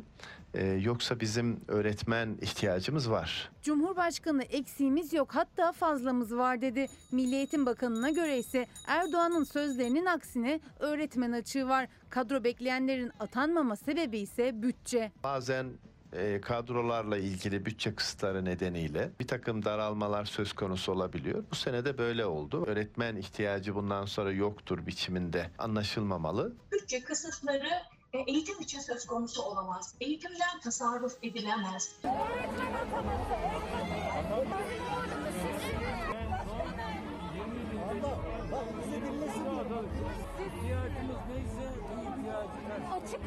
Cumhurbaşkanı Erdoğan ataması yapılmayan öğretmenlere kapıları kapattı. Eğitim sene göre 500 bine yakın öğretmen atama bekliyor. İhtiyaçsa 100 binden fazla. Sayıştay 2020 yılına baktığımızda 138 bin öğretmene ihtiyaç var. Ataması yapılmayan öğretmenler sadece 40 bin atama istiyoruz diyorlar. 40 bin atama taleplerine yanıt bulamıyor öğretmenler. Oysa hem atanamayanlar hem de ücretli öğretmenler kadro bekliyor. Çünkü ücretli öğretmenler de aynı işe asgari ücret düzeyinde maaş alıyor. Habertürk'e konuşan Milli Eğitim Bakanı Ziya Selçuk da bu sorunun farkında. Ancak Eğitim Sen'in iddiasına göre bütçede son söz sahibi Cumhurbaşkanı doğru bilgilendirilmiyor. Hem emekli öğretmenlerimizden kaynaklanan e, bir ihtiyaçla ilgili var. Hem de ücretli öğretmenlerimizle ilgili mevcut tabloya baktığımızda bir ihtiyacımız var. Açık var. Sayın Cumhurbaşkanı'nın açıklaması e, ayaküstü öylesine açıklama olamaz kuşkusuz. Çünkü çok sorumlu bir makam. Eğitim Öğretim Politikaları Kurulu'nun e, yanılttığını söyleyebiliriz. Eğer oradan veriyi almış ve öğretmen ihtiyacı yok diyorsa. Efendim günaydın. Bir siyasi parti liderini ağırlayacağımızı söylemiştik. Demokrat Parti lideri Gültekin Uysal şu anda Çalar Saat'te misafirimiz. Günaydın efendim. Günaydın. Hoş geldiniz. Vesileyle Nasılsınız? vatandaşlarımıza günaydın. Çok Nasılsınız? şükür. Memleket turundasınız. Bir yandan Afyon'dasınız. Diğer yandan böyle memleketin çeşitli yerlerini, şehirlerini, beldelerini, ilçelerini geziyorsunuz. Şimdi öğretmenlerimizden bahsettik. Onların bir atama meselesi var. Bir işsizliği konuşalım istedik. Ve bugün başlığımız çok ağır. Sizin böyle hani bu çok ağır dediğiniz konular, gündem özellikle siyaset cephesinde mi yoksa ekonomi cephesinde mi? Ne dersiniz? Aslında topyekün yani şöyle AK Parti iktidarının 2002'de iktidar olduğu döneme bakalım. Türkiye'de bir İngilizce tabiriyle failed government yani hükümet çöküşü vardı. Bugün ise bir devlet çöküşü var. Şu anda yaşadığımız devlet çöküşü. Evet, evet aynen öyle. O açıdan bütün bu problemler işlemeyen demokratik düzenin, işlemeyen cumhuriyetin değerlerini içselleştirmiş, fırsat eşitliğinden başlayarak, hukuk devletinden başlayarak demokrasi ekmeğimiz aşımızdır diyoruz. Bütün bu değerlerin örselenmesi her bir vatandaşına, işsizinden emeklisine, gencinden yaşlısına, kadınından müteşebbisine, tüccarına herkese bir maliyet üretiyor. O açıdan bakınca en ağırı bu. Bence diğer bütün problemler bu işlemeyen düzenin, çarpık düzenin, sistematik hale gelmiş bu çarpık düzenin yansımaları. Efendim siyaset ne kadar farkında vatandaşın ne yaşadığın. Şimdi biz bunu aşılarla ilgili yapılan açıklamalarda görüyoruz. Bir izleyicimiz mesela yazmıştı. Belki takip edebildiniz, belki edemediniz. Yani iş var, iş beğenmemezlik var. Bizim ülkemizdeki asıl mesele budur diyor. Siz de öyle tarif eder misiniz? İş var da gençlerimiz mi iş beğenmiyor ya da vatandaşlar mı iş beğenmiyor? İki boyutlu maalesef Türkiye'deki eğitim sistemi bir diploma fabrikasına dönmüş. Bugün Türkiye ile 3 aşağı 5 yukarı aynı nüfusa sahip Almanya'nın da e, bizde 8 milyona yakın üniversite öğrencisi var. Orada 3 milyona yakın ama orada 3 milyona yakın öğrenci mezun olduktan ilk yıl 3 yıl içerisinde iş bulma oranı %96. %96. Maalesef biz kağıt üzerinde yüksek okullardan Türkiye'nin çok açık yürekli ifade ediyorum. Yani Demokrat Parti olarak iktidar gücü elimizde olsa ilk yapacağımız iş maalesef bir takım popülizm duygularıyla olmadık yerlere açılmış yüksek okullardan başlayarak o evlatlarımıza da yazık, gençlerimize de yazık, analarına babalarına da yazık. Maalesef hedeflediğimiz nitelikli dönüşümü, Türkiye'nin ideolojik tartışmaları milli eğitimin merkezine getirdik. Ve bu 20 yıllık süreç içerisinde de zaman zaman AK Parti Genel Başkanı Sayın Erdoğan da ifade ediyor ki en başarısız olduğumuz saha eğitim ve kültür sahası. Orada bir hegemonya üretemedik diyor. Tabii onların hangi maksatla başarısız olduk dediklerini de görüyoruz. Ama netice itibariyle Türkiye'de bugün değişen dünya şartlarında Türkiye'nin bu rekabete dahil olabilmesi için nitelikli, donanımlı, beşeri sermayesini dünyayla rekabet edecek bir güç haline getirebilmektir. Oysa biz maalesef bütün bu tartışmaların odağına siyasi, ideolojik tartışmaları koyduk. Eğitim sistemi ne Türk sanayisinin ne Türk müteşebbislerin istediği nitelikte bir insan kümesini üretebiliyor. Diğer tarafta da mezun, elinde diploma olan ama işsizler milyonlarca noktaya gelmiş. Şimdi biz Büyük Birlik Partisi lideri Mustafa Destici'yi de burada ağırladık. Ve kendisi Sinop'ta karşılaştığı manzara 10 esnaftan 9'unun durumu iyi şeklindeydi. Hatay'a gittiğinde belli ki bambaşka bir e, durumla karşılaşmış ve esnafla ilgili, esnafın lehine atılması gereken adımlarla ilgili cümleler kurdu. Siz sokaktasınız, esnaf dolaşıyorsunuz. Sizin karşı karşıya kaldığınız, gördüğünüz, gözleminiz nedir? Türkiye'de çok yapısal olarak 20 yıllık AK Parti iktidarın tercih ettiği makro düzeyde bir politik tercihi var. Bu tercihin tabii sonucu olarak küçük esnafımız, sermaye yeterliliği sınırlı olan ve teknolojinin, küresel rekabetin tasfiye ettiği bir takım sanatlar, sektörler var. Burada en korunaksız olan esnaflarımız. Maalesef biz esnaflarımız sadece işte 18-19 yılda 9 tane af çıkarmışız.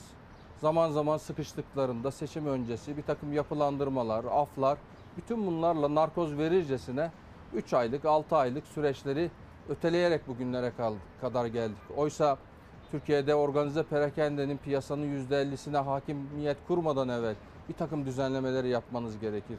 Ama özellikle bu pandemiyle beraber hizmet sektöründen başlayarak en fazla yaralanmış ve Türkiye'de istihdamın büyük ölçeğini üreten esnaflarımızdır, kobilerimizdir. Ama belirli sektörlerde bütün bu olumsuz şartlara rağmen tekstilden kimi alanlara ben de takip ediyorum. Afyon milletvekiliyim aynı zamanda en önemli sürükleyici sektörlerimizden birisi doğal taş sektörü, mermer. O alanlarda geçen yıllarla mukayese ettiğimiz daha fazla büyük işlerin yapıldığını görüyoruz. Ama bu dönemde pandemiyle beraber yani Sayın Desteci'nin gözlemlerini bilemiyorum ama benim gördüğüm en fazla kaybeden esnafımız, güvencesiz insanlarımız, her gün deyim yerindeyse pedal çevirmek zorunda olan insanlarımız bu dönemde daha fazlasıyla yoksulluğu yaşadı. Biraz evvel eğitimden başladık, işsizlikten devam ettik. Bir Türkiye'de de söylem hatası ya da iletişim kazalarıyla da çok çok karşılaşılıyor. Buna ne dersiniz? Mesela aşı ile ilgili en son karşılaştığımız iletişim kazası. Maalesef başından itibaren hani bu tür süreçler bir kriz yönetimi sürecidir. Pek çok dinamiği senkronize bir şekilde, at başı bir şekilde yürütmeniz, götürmeniz gerekir. Onu götürürken de psikolojiyi yönetebilmek için başından sonuna özellikle önde yürüyen devlet adamlarından siyasetçiye, kamu yöneticilerine sözleri, tavırları, davranışlarıyla e, bir kıstas teşkil eder. Hani eski Yunan'da çok zaman zaman hatırlatırım. Hoş bir şey vardır yani savaş kararını alanlar en önde kendi gidecek. Eğer savaş alanından çekiliyorsanız da en geriye kalacaksınız. E, Türkiye'de bir takım yaptırımlar, bir takım kısıtlamalar getiriyorsunuz. En fazla ihlal eden hükümet sahipleri bu kararları alanlar. O noktada vatandaşın bir güvensizliği oluştu maalesef. Türkiye zaten bu sürece yedek akçelerin tüketmiş bir şekilde Merkez Bankası'nın e, karından tutarak sürekli olarak yaz dönemini hazırlamış ama kışı, kara kışları hesap etmemiş. Böyle bir dönemde gelişmiş dünya ki vatandaşına, vatandaşın devletine en fazla ihtiyaç duyduğu böyle dönem olağanüstü alt üst oluşların yaşandığı, krizlerin, buhranların yaşandığı ve bizim nesillerimizde böyle bir buhran yok. Böyle bir dönemde devletin yanında, vatandaşın yanında olması gerekirdi. Maalesef olamadı. Yasak sağma kabiliğinden. Sadece işsizlik fonundan, kısa çalışma ödeneğinden başlayarak ki yapılan yardımların Çalışma Bakanlığı'nın açıklaması %84'ü bu kaynaktan. Merkezi bütçeden ve onun ötesinde bir yardım finanse ediyor yapabilmiş değilsiniz. Türkiye doğrudan bir hane halkı gelirine destek yapmalıydı. Kredi genişlemesiyle meseleyi çözemezsiniz. 6 ay geçti, 1 yıl geçti. Bugün esnafın, bu kredileri kullanan insanlarımızın önünde bu yükümlülükler. Borçluluğunu artırdınız. Biraz evvel esnaflarla ilgili söyleyecektim. Geçen yıl Mersin'e ziyaret yapmıştım. Mersin'de oda başkanının çok hoş aklımdan çıkmayan bir şeyi var. Biz artık kredi istemiyoruz. Biz artık kazancımızı artırmak istiyoruz demiştir. O açıdan Türkiye'deki bu çarpıklığın maalesef en fazla etkilediği küçük esnafımız. Gültekin Bey şimdi biz kaynaklarımızı doğru kullanıyor muyuz? Bir bunu sormak istiyorum. Bir de söylem hani porsiyonları küçültelim. Hani vatandaş birbirine destek olmaya çalışıyor. Yerel yöneticiler birbirine destek olmaya çalışıyor. Bir tasarruf genelgesi var. Bu açıklandı. Ee, yeni söylemler porsiyonların biraz daha azaltılması ya da ne bileyim akşam pazarına gidilmesi, daha uygun fiyatlardan alışveriş yapılması şeklinde.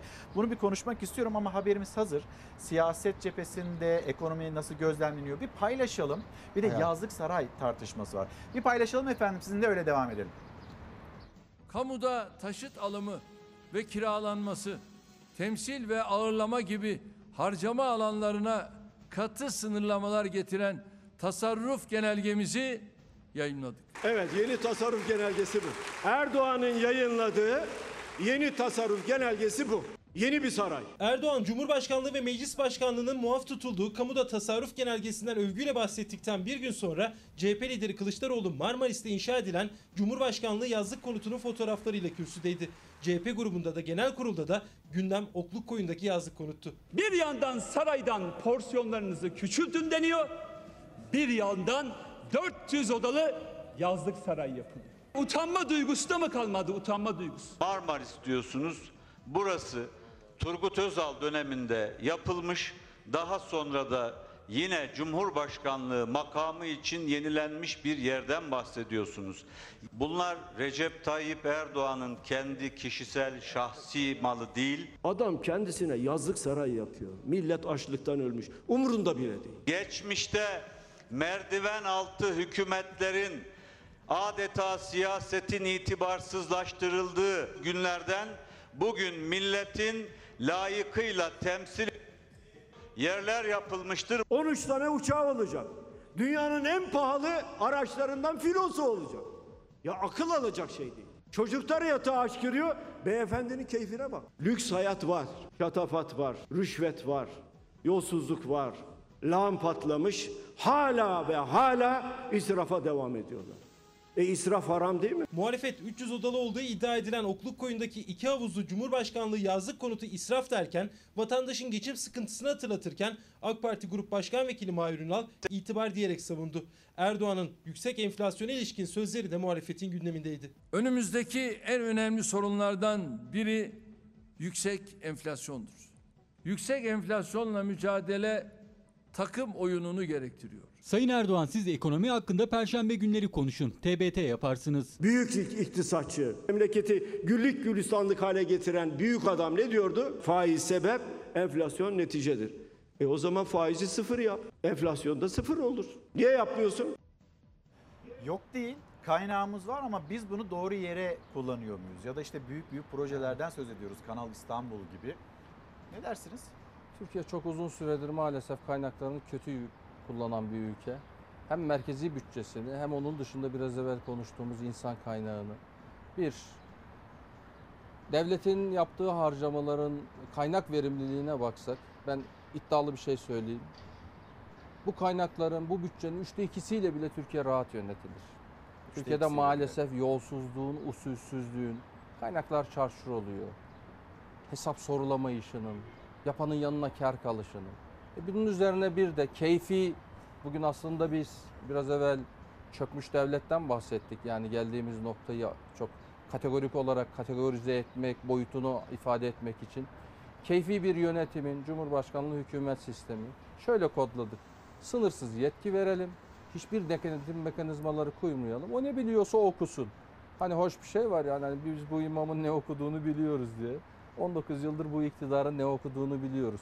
Keyfi, Türkiye'nin önceliklerini, dünya konjektürünü, bir değişim dönemindeyiz. Türkiye bu dönemde hakikaten dünya ile mesafesini kapatabilir. Bugün dünyanın 17. ekonomisi iken 19. ekonomisine düştük. Yarın ilk 20'nin dışına çıkacağız. Bu açılardan bakınca bu tartışmaları biraz evvel söylediğimiz gibi dilinizden dökülenlerle amel etmediğiniz müddetçe, diliniz başka söyleyip eliniz başka icraat yaptığı müddetçe bu işin içinden çıkamazsınız. Bu şan, şatafat merakı, elbette bu ülkenin büyüklüğü var, evsafı var, buna uygun devlet gelenekleri var. Ama Türkiye'nin bu 4-5 maaşlı, ballı maaşlardan tutalım. Bir tarafta milyonlarca insan aç susuz gezerken hakikaten büyük bir sefalet yaşanıyor. Çok çarpık bir şeyi maalesef kamu kaynaklarıyla, sosyal yardımlarla adeta milyonlarca insana suyun üzerinde nefes alın verin. Sandıkta da gidin. Sanki birisi Karlı Dağ'dan kar bağışlıyor. Yani Sayın Erdoğan babasının parasını falan veriyor değil. Bu ülkenin vatandaşlarının vatandaşlık hukukunun hakları var, ödevleri var. Sosyal devlet ilkesinin yansıması olarak vatandaşlarımıza, ihtiyaçları olanlara yardım yapılıyor. Ama Türkiye'deki sistematik hale getirilmiş bu çarpık düzen vatandaşın yoksullaştırarak, yoksulluğu yöneterek siyasal sadakatini almak için kullanılan bu düzen fukaralığı da kalıcı hale getiriyor. Bugün maalesef biraz evvel konuştuğumuz o eğitim yollarının tıkanması, eğitim önemli toplumsal mobilizasyonun aracıydı Türkiye'de. E, bu pandemi döneminde görüyoruz. 2 milyonun üzerinde gencimiz, evladımız, çocuğumuz eğitime erişimi yok. uzaktan eğitime erişimi yok. Burada ciddi bir eksiğimiz Bu oldu. ister istemez maalesef Türkiye'de yoksulluğu daha da kalıcı hale getirecek. Yoksulun daha yoksul olduğu, gelir adaletsizliğinin katmerli bir eğitim adaletsizliğine dönüştüğü bir süreci maalesef Türkiye'de yerleşik hale getirildi. Üzüntümüz o. Kanal İstanbul üzerinden söke söke polemiği başlamıştı. Hani uluslararası tahkimle e, bunu e, sizden alırlar, söke söke alırlar demişti Cumhurbaşkanı. En sert tepki gösteren liderlerden birisi de siz oldunuz. Onu soracağım. Ama İrfan, e, yönetmenimiz İrfan Tomakin'den bir rica edeyim. Sözcü gazetesini isteyeceğim İrfan senden. Geçinemeyen vatandaş çoklu maaş alanlara isyan etti. Hem din, iman, Allah diyeceksiniz hem de 7-8 maaş alacaksınız. Böyle bir manşetle çıktı okuyucularının karşısına Sözcü gazetesi. Bir emekli kendi evladı işsizken iktidara yakın isimlerin birden fazla maaş almasına tepki gösterdi. Bu haksızlığı İyi Parti lideri Meral Akşener'e de şikayet etti. Bunu okuduktan sonra e, aslında hani siz de itiraz ediyorsunuz. Altın bürokratlar olarak tarif Evet. ediyoruz. Bir tarafta işsizlik var. Diğer tarafta böyle bir koltuğun altında çokça karpuzu taşıyabilen kişiler var. Bununla da karşı karşıya kalıyoruz. O yüzden hani siz dikkat çektiğiniz için Sözcü Gazetesi'nin o başlığını da okumak istedim. Şimdi bir de Cumhuriyet Gazetesi. Cumhuriyet Gazetesi'ni okuyalım. Siz devlet çöktü, devlet sistemi çöktü olarak tarif ediyorsunuz. Bir haber İki seçmenden biri soylu istifa diyor. Bu arada hani 10 bin dolar kim aldı, şimdi milletvekili mi, önceki dönem milletvekili mi o tartışma da devam ediyor. 26 bölge, 27 il, 230 noktada 3848 kişiyle yapılan anketin sonuçları paylaşılmış ve iki seçmenden biri soylu istifa diyor. Ama MHP lideri Devlet Bahçeli dün grup toplantısına destek verdi. Gözler bugün Erdoğan'ın yapacağı açıklamada. Erdoğan acaba Soylu'ya bir kez daha destek verecek mi, vermeyecek mi? Son buluşmalarında işte ne bileyim programlarında biz Süleyman Soylu'yu Cumhurbaşkanı yanında göremedik. Onu da sorayım hani bugün acaba nasıl bir cümle kurar sizce e, Cumhurbaşkanı? Hemen bir Soylu, İçişleri Bakanı Süleyman Soylu ile ilgili haberimiz devam edelim. Terörle mücadele alanında ismini altın harflerle yazdıracak Sayın Süleyman Soylu'ya yapılan itibar suikastlerini, siyasi linç girişimlerini kaygıyla izlediğimizi asla ama asla kabul etmediğimizi tarihe not olarak düşmek istiyorum. İçişleri Bakanı sen pürüpak olsaydın eleştirilmezdin kardeşim. Eğer rüşvet alan birisini koruyorsan sen de onun bir parçasısın zaten. Bahçeli de onun bir parçası. Kim demiş Sayın Soylu yalnız diye? Kim demiş Sayın Soylu kimsesiz diye? Sedat Peker'in hakkındaki iddiaları sonrası muhalefetin hedefinde olan Beştepe'deki programlara davet edilmediği iddia edilen İçişleri Bakanı Süleyman Soylu'ya bir kez daha sahip çıktı MHP lideri. Soylu da büyüğümüz vurgusuyla teşekkür etti. Hakkında ne söylenirse söylensin. Bizim bölücülerle iş tutan, terör örgütlerine hayranlık besleyen odakların hayasız tezviratlarına aldırış etmemiz mümkün değildir. Büyüğümüz Milliyetçi Hareket Partisi Genel Başkanı Sayın Doktor Devlet Bahçeli'ye güven ve inancı için minnet ve şükran duyuyorum. Allah razı olsun. Organize suç örgütü liderliğiyle suçlanan firari Sedat Peker, uyuşturucu ticaretinden Silivri Emniyet Müdürü'nün intiharına, iş dünyasıyla ilişkilerine kadar Süleyman Soylu hakkında dikkat çekici iddialar attı ortaya. Soylu uzun süredir sessiz. Cumhurbaşkanı Erdoğan'da. Ben dünyanın en kötü adamıyım. 8 Haziran ve 1 Temmuz'da Cumhurbaşkanlığında yapılan ve İçişleri Bakanlığı'nı da doğrudan ilgilendiren iki programa Süleyman Soylu katılmadı.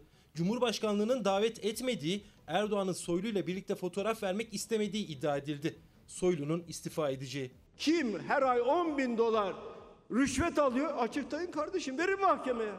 Bahçeli'nin de söylemesi lazım. Yapmıyorlar. Neden? Ortaklar. Geçin bunları geçin. İçişleri Bakanı görevini vatan ve millet sevgisiyle yerine getiren, gece demeden, gündüz demeden bölücü terörle mücadele eden mert ve milletperver bir devlet adamıdır. İçişleri Bakanlığı istifa iddialarına sosyal medya paylaşımıyla bakan görevinin başında yanıtını vermişti. Bir gün sonra da MHP lideri Bahçeli Süleyman Soylu kimsesiz değil diyerek olası istifa ya da görevden almanın karşısında olduğunu açıkça ilan etti. Zillete batanlar, sütre gerisine saklanıp iftira oku atanlar, Sayın Soylu'nun yıpratma gayesiyle PKK, PYD, YPG'yi selamlarken şirinlik taslama hevesindedir. Bizim bu türden tahrik ve tacizlere karnımız toktur. MHP lideri ilk 25 Mayıs'ta Süleyman Soylu'ya sahip çıkmış. Bir gün sonra da Cumhurbaşkanı Erdoğan sessizliğini bozmuş. bakanımızın yanındayız demişti. Bahçeli'nin yeni açıklamaları Soylu'nun teşekkürü sonrası gözler yeniden Cumhurbaşkanı Erdoğan'a çevrildi. İçişleri Bakanı ile ilgili yeni bir cümle kurup kurmayacağına. Efendim şimdi MHP lideri Devlet Bahçeli Süleyman Soylu yalnız değildir dedi. İkinci kez ve yine yüksek tondan böyle bir destek verdi İçişleri Bakanı'na. Şimdi yalnız değildir derken sesini yükseltirken sadece muhalefete mi söyledi? Yoksa AK Parti'ye de destek çıkın çağrısı gibi de algılanabilir mi bu cümleleri? Bence doğrudan hedefi iktidarın kendi içindeki güç denklemi oraya hitap ediyor. E, Demek ki yalnız ki e, Sayın Bahçeli bu açıklamaya ihtiyacı duydu. Tabii bir şeyi karıştırmamak lazım. Bütün bu Peker'in iddialarının merkezine Sayın Soylu'yu koyarak aslında Türkiye'deki çökmüş bir devlet ve hükümet sistematiğini, işleyişinin ifşasını perdeliyoruz. Bu tartışmayı ayırt etmek lazım. Elbette biz netice itibariyle hukuk diyoruz. Türkiye'de buradan da bir çağrı yapmak isterim. Buyurun. Mehmet Akif'in dediği gibi korkma diyor. Yani bu ülkenin savcıları var. Bu ülkenin mecliste milletvekilleri var. Bugün lider korkusunun, Allah korkusunun önüne geçtiği bir Türkiye siyaseti var. İktidarın içerisinde bir yapılanma var. E, Korkacaklarsa bugünlerden değil, yarınlardan korksunlar. Eninde sonunda bu işlerin kapağı açılır, kayda girmiş işlerdir. Bunların hesabı sorulur. Tabii iktidar içi bir kavga var. Sayın Bahçeli o noktada uzun süre Nasıl bir kavga? ee, anlaşılıyor Bir güç ki kavgası e, Sayın Soylu tabii hükümet içerisinde, Bakanlar Kurulu içerisinde en siyasi kişiliğe sahip e, hem siyasetin içinden gelmesi ve bu Cumhurbaşkanlığı hükümet modeli dediğimiz bu model içerisinde Sayın Erdoğan e, kimseye benim ihtiyacım yok, emir erleri olsun, benim dediklerimi yapsın yeterli ama Türkiye'de siyasetin yerleşik bir yapısı var. İşte Büyük Millet Meclisi karşımızda duruyor, arkamızda duruyor. Bu Büyük Millet Meclisi'nde bırakınız muhalefeti. Bu hükümet sistemiyle Adalet ve Kalkınma Partisi Sayın Erdoğan önce AK Parti grubunu e, tasfiye etmiş oldu, anlamsızlaştırdı. Milletvekilinin sadece yasama faaliyeti değil ki yerelden genele, başkentte, başkentten Anadolu'nun her noktasına vatandaşımızın taleplerini taşıyan, bürokrasiye taşıyan önemli bir fonksiyon hüviyeti vardı. Şimdi milletvekillerinin karşılığı yok. Bu sistem içerisinde de siyasi hüviyeti itibariyle ve performansı itibariyle tabii Türkiye'nin terörle mücadelesi kabul etmek lazım ki Sayın Soylu'nun orada önemli bir e, mesaisi var, önemli bir e, olumlu artı Başarısı da kamuoyunun da başarısı var. Bütün bu o iç denklemde yarınlara dair hesapları Sayın Soylu'nun bozduğu görülüyor. Bu iktidar içi tartışmaların işte bakan damat bakan tartışmalarının bu süreçte e, bir tarafta e, Berat Albayrak, diğer tarafta Sayın Soylu, bir tarafta İçişleri terörle mücadele olumlu bir tablo var. Diğer tarafta ekonomi Sayın Berat Albayrak olumsuz bir tablo var. Ve bu süreç Berat Albayrak'ı zaten husumet odağı haline kamuoyu e, gündemine getirdi kendi içindeki tartışmalarla. Sayın Devlet Bahçeli de bir destek atma ihtiyacı hissetmiş. Peki bu 10 bin dolarla ilgili kurduğu cümle ve bunun devamının gelmemesi Yüksek İstişare Kurulu üyesi Cemil Çiçek'in yaptığı açıklama yani bagajlarda bu paralar varsa böyle paralar işte maaşlar ya da rüşvetler veriliyorsa bunu görmezden gelemezsiniz dedi. Ama hala böyle bir hareket bir kıpırdanma yargı cephesinde gözlemlenmiyor. Bunu neye bağlıyorsunuz? Maalesef Türkiye'deki çarpıklık yargıyı hükümetin kuvvetler uyumu diyerek Türkiye bir takım meydan okumalarla karşı karşıya erkler ayrılığını kuvvetlerin uyumu haline getirerek kurduğunuz mekanizma ile beraber Sayın Erdoğan hem yasamayı kontrol ediyor, hem yürütmeyi kontrol ediyor, hem yargıyı kontrol ediyor. Yani bir gün bile Yargıtay'da Yargıtay üyeliği yapmamış, dosya kapağı kaldırmamış İstanbul Başsavcısının nasıl Yargıtay üyeliği yapıldı, yapıldığını, arkasından görevine bile başlamamışken diyebileceğimiz bir zaman diliminde nasıl Anayasa Mahkemesi üyesine ki Anayasa Mahkemesi'nin yarın Yüce Divan hüviyeti var. Sanki iktidarın bu noktada bir hazırlık yaptığı kanısına ben varıyorum. Yani o günlerde yargı camiasında konuştuğumuz bir Yargıtay mensubunun söylediği bir söz hafızamdan çıkmaz. Bir fidan için ormanı yaktılar demişti. Bir kişi için maalesef yerleşik tahammülleri e, kırıldığı, geçirildiği, bütün politize olmuş HSK'nın e, bu politize olmuş haline rağmen yargıyı kendi haline bırakalım. Kendi tahammüllerini, kendi pratiklerini, kendi ölçülerini günceller, yeniler, büyük ölçüde işletmeye gayret gösterir. 10 bin dolarla ilgili sayın herhangi bir kişi söylemiyor. İçişleri Bakanı söylüyor bu ülkede.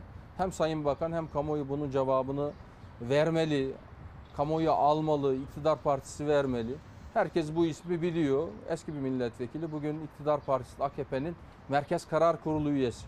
Bu çarpıklığın artık yolsuzluğun sistematik hale geldiği, biraz evvel ifade ettiğimiz gibi Sayın Erdoğan boşuna tasarruf genelgesi yayınlamıyor. Boşuna işte şeffaf ihaleler demiyor 19 yılın sonunda. Bu ülkede sayısını bizim bile hatırlamadığımız en son 192 idi. Kamu ihale kanununda istisnalar istisnalar neredeyse e, çok küçük bir oranda kamu ihale kanunu uygulanır hale gelmiş. Adalet ve Kalkınma Partisi ile AK Parti kendiniz ak deyince yani ben zaman zaman söylüyorum adınızın ak olması yetmez alnınızın ak olması lazım. Türkiye'de maalesef bu kaynakları yerelden genele ihalelerin bu ülkede nasıl verildiğini şu Ankara'nın sokaklarında sade vatandaşımıza sorsak o bile bilir. Bütün bu işler siyaset eliyle sadece bildiğiniz tek katma değer üretme mekanizması rant, rantiye ve bu nedenle ısrar ediyorsunuz. Kanal İstanbul meselesini biraz evvel konuştuk değil mi? Sayın Erdoğan diyor ki söke söke al- alırlar. Yani Türkiye Muharrem Kararnamesi olarak bilinir 1881'de Duyunu Umumiye'yi kurulmuş. Sanki bugün Sayın Erdoğan Duyunu Umumiye reisi yabancıların e, bir yandan yerli ve milli diyeceksiniz. Türk lirasını özendirelim diyeceksiniz. Dövizle anlaşma yapacaksınız. Tahkim olarak başka başkentlerde mahkemeleri göstereceksiniz. Bir yandan da tasarruf diyeceksiniz. Porsiyonları küçültelim diyeceksiniz. Bugün AKP ile yolsuzluk o kadar özdeş hale gelmiş ki Sayın Erdoğan, işte Ankara Büyükşehir Belediye Başkanı Sayın Mansur Yavaş başkan olduğu andan itibaren bütün ihaleleri şeffaf bir şekilde e, canlı olarak yayınlıyor. Siz de canlı yayınlayın diyor. E bunca zaman bu işlerin nasıl olduğunu bilmiyor muyuz? Ama Türkiye'de o kadar çok işte Ankara Park 750 milyon dolara gitmiş vatandaşımızın, milletimizin bunun hesabını soramıyoruz. 10 bin dolara alan siyasetçi Sayın Bakan söylüyor bunun hesabını soramıyoruz. Öbür tarafta hukuku garibana, gurebaya, aciz içerisinde olan insanlarımıza uyguluyoruz. Efendim şimdi hani kamuya tasarruf, vatandaşa tasarruf ve onların yaşadığı bir haberimiz daha var. Onu paylaşacağım. Mesela dokunulmazlıklarla ilgili bir tartışma. Hatta Demokrat Parti milletvekili e, Cemal Engin Yurt kendisiyle ilgili de bir fezleke var. Bu tartışmaya ne dersiniz? Yani yolsuz dokunulmazlıklarla Ha, ilgili oldu. zaman zaman Yakaladık. siyasetin siyasetçinin milletvekilinin ensesinde adeta demokrasinin kılıcı gibi bu dokunulmazlık meselesini e, CHP milletvekili Enis Bey ile ilgili nasıl kullanıldığını gördük.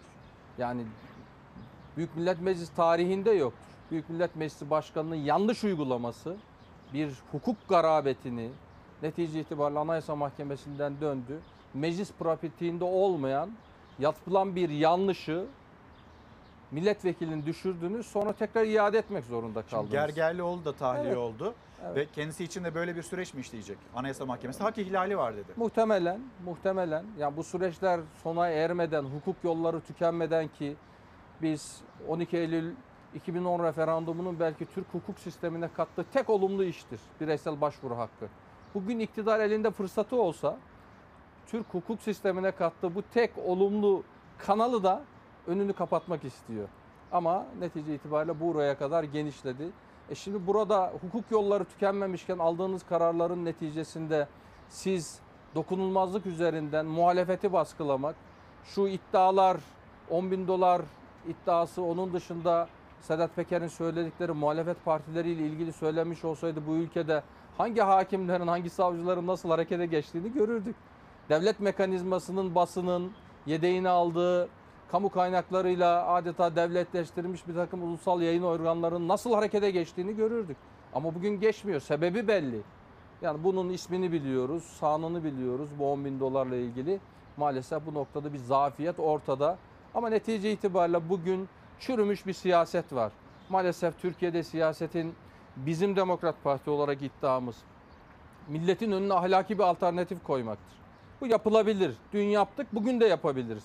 Türkiye'de bugün demokrasi ve hukuk paydasında yeniden hukuk devletini temel alan, fırsat eşitliğini temel alan, bu ülkenin kaynaklarını, nimetini, külfetini eşit ve ortak paydada buluşabileceğimiz, herkesin hukukundan emin olduğu bir Türkiye'yi yaratabiliriz, ortaya çıkartabiliriz. Bunu Cumhuriyet kıt kanaat imkanlarıyla yapmış. Çağdaşlarıyla mukayese ettiğinizde batılı, Batı Avrupalı pek çok devletin kadın haklarından başlayarak bu hakları vermediği dönemde Cumhuriyet Cumhuriyetin gelişiminin kıstasını kadının toplumsal hayatta aldığı mesafeyle özdeşleştirmiş. Biz bugün İstanbul Sözleşmesi'ni iptal ediyoruz. Orada da bir hukuk garabeti. Kanunla yaptığınızı Cumhurbaşkanlığı kararnamesiyle iptal ediyorsunuz. Efendim hızlı gidelim istiyorum. Bir ekonomi haberi paylaşacağım için. Erken seçim bekliyor musunuz? Biz bunu zaman zaman konuşuyoruz sizinle gerçekleştirdiğimiz yayınlarda. Çok net iki cümle söyleyeyim. Bir erken seçime ihtiyaç var mı? Sonuna kadar evet. Türkiye ne Adalet Kalkınma Partisi'ni taşıyabilir ne Adalet ve Kalkınma Partisi Sayın Erdoğan Türkiye'yi taşıyabilir. Türkiye'nin çok derinden işleyen meseleleri var. Sayın Erdoğan'la Adalet ve Kalkınma Partili bir Türkiye milli güvenliğinden başlayarak kendi önceliklerinin ayarını yapabilme imkanı yok. Bir erken seçim olur mu? Erken seçim kararını alacak iki merkez var. Bir Cumhurbaşkanı, iki Büyük Millet Meclisi. Hükümetler tekrar seçimi kazanacaksa erken seçime gider. Seçim yenilemesi diyoruz şimdi bu sistemde buna. E, Bugün kontrolden çıkmış dinamikler, ekonomik dinamikler, pandemi ve iktidarla ilgili iktidarın ölçemediği şöyle bir taraf var. Ben kamuoyu anket yorumlarına, e, araştırmalara da dikkatle analiz etmeye, analitik bir değerlendirme yapmaya gayret ediyorum. İnsanlarımız bu korku ikliminde, bu baskı ikliminde maalesef iktidarla ilgili resmi görüşünü söylüyor. Ama yüreğinde tuttuğu görüşü ifade etmiyor. Onu sandıkta konuşacaktır. Bizim insanımız sandıkta konuşuyor. O açıdan işte İstanbul seçimleri yani Belirteç o mu? eee, İkinci Ankara. seçimde gördük. Yani 2014 yılında Ankara'da seçimin nasıl çalındığını biliyoruz.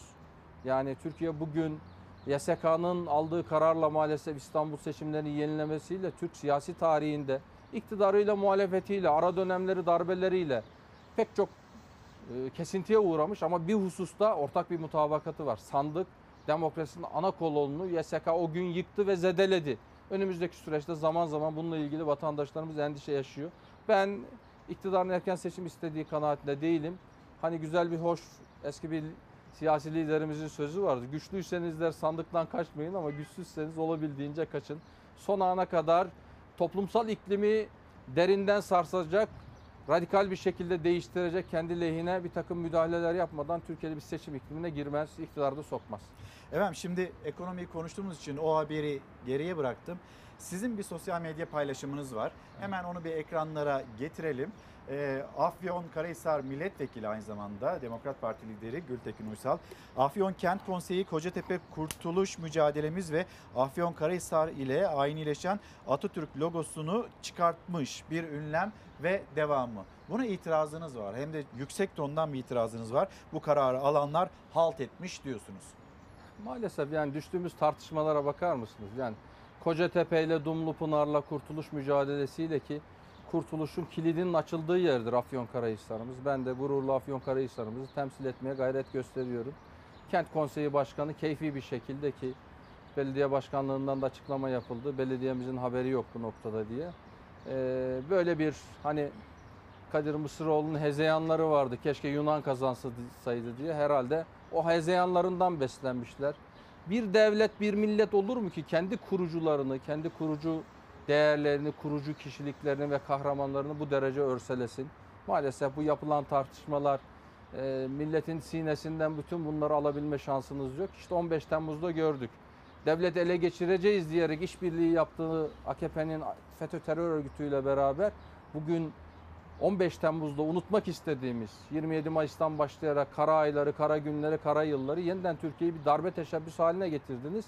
Kendi genel merkezlerine Atatürk'ün bayrağının resmini asmak zorunda kaldılar. O açıdan hurafe, safsata ve menkıbeden ibaret bir tarih şuuru olanlar bu densizliği yapar. Öyle bir densizlik var ortada. Ben de şiddetle belediye başkanının bu meseleye müdahale etmesini istedik. Bugün bir yanda Size böyle bir nasıl Ne söyledi size? Düzelteceklerini ifade ediyorlar. Kamuoyuna da açıkladılar. Bunu ne Afyonumuz hak ediyor ne Türkiye hak ediyor böyle saçma sapan bir tartışmayı. Büyük Atatürk'ün milli mücadeleyle beraber bu ülkenin e, birilerinin arka planda yaptığı anlaşmalarla parçalandığı, küçültülerek yutulmaya çalıştığı bir dönemde bir iradeyi kademe kademe olgunlaştırarak verdiğimiz mücadeleyle bugün bu topraklarda ezanlar okunuyorsa, istiklalimizin, hürriyetimizin genişliğini yaşayabiliyorsak burada Mustafa Kemal'in önderliğinde bir büyük kadronun milli mücadele kahramanların emeği var. Oradaki Kocatepe ile özdeş o fotoğrafı kaldırarak elinize ne geçti? Bunu hiçbir Türk vatandaşının kabul etme şansı yok. O açıdan baktığımızda bir yanda bu uygulamayı yapan kent konseyi var. Üzgünüm Afyon Kent Konseyi ah, bir Afyonlu olarak, Afyon milletvekili olarak. Diğer tarafta da katılımcılığı, çoğulculuğu çoğaltmış Ankara Kent Konseyimiz var ki işte Atatürk'ün 100. yılında Ankara'ya gelişinin Atatürk sevgisini geniş kitleler aşılamak için çok güzel çalışmalar yapıyor. Onlara da buradan teşekkür edelim. Efendim çok teşekkür ederim. Ben çok de teşekkür ederim. Geldiğiniz için ve gündeme dair sorularımızı yanıtladığınız için Demokrat Parti lideri Genel Başkanı Gültekin Uysal'la konuştuk. Şimdi ben kendisini uğurlayacağım ve hızlı bir şekilde molaya gidip diğer haberlerimizi aktarmak için geri döneceğiz. Günaydın bir kez daha devam ediyoruz. Engin Yağsan günaydın teşekkür ederim. Bugün başlığımız çok ağır. Yine sizlerden çokça mesaj geliyor. Mersin'den, Tarsus'tan gelen mesajlar. Bursa'ya günaydınlarımızı iletelim. Çok ağır yükümüz e, geçinmek, nefes almak, gülmek, sevinmek, e, eğlenmek bunları istiyoruz ama bizim üzerimizde çok ağır bir yük var. Bunu hatırlatıyor. E, bir başka izleyicimiz Muzaffer Bey bizi ve Türkiye'nin gündemini takip almış. Nereden çıktı bu çok ağır başlığı? O başlığa geri döneceğiz. Nereden seçtiğimizi ve hangi açıklamadan geldiğini sizinle paylaşacağız. Hızlı bir şekilde gelen mesajları da aktarmaya çalışıyorum. Ve yine Adana'ya, Adana Seyhan'a Erdal Bey aracılığıyla günaydın diyelim. Hatay İskenderun'a Zeynep Şen Yücel aracılığıyla da bir günaydın diyelim.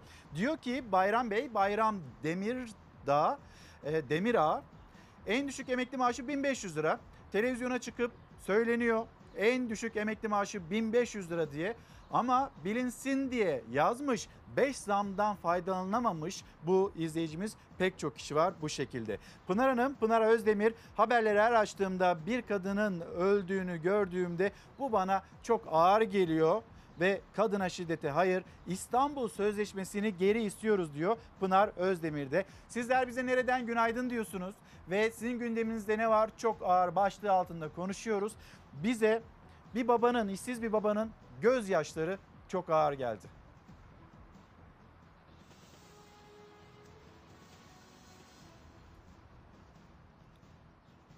Verebiliyor muyuz İrfan? Ha tamam hemen Bir buçuk hemen yıldır iş arıyoruz. Utansınlar. Yani bizleri bu hale getirenler utansınlar. Allah ıslah etsin. Koskoca Türkiye Cumhuriyeti içinde bir vatandaşım. Çocuklarıma ben kendimi bir ev muhafaza edemiyorsam, çocuklarımın ihtiyaclarını gideremiyorsam ben kendimi e, insan gözüyle göremiyorum artık. Şoför olarak ne bana verilen ne iş varsa ben şoför olarak görevimi yaparım. Buraya gelmişiz şimdi gideceğiz yani mantıksız. Pek bir şey diyemeyeceğim ya. Yani kusura bakmayın devam edemeyeceğim ama Allah ıslah etsin. Bir buçuk yıldır iş arıyoruz. Utansınlar. Yani bizleri bu hale getirenler utansınlar.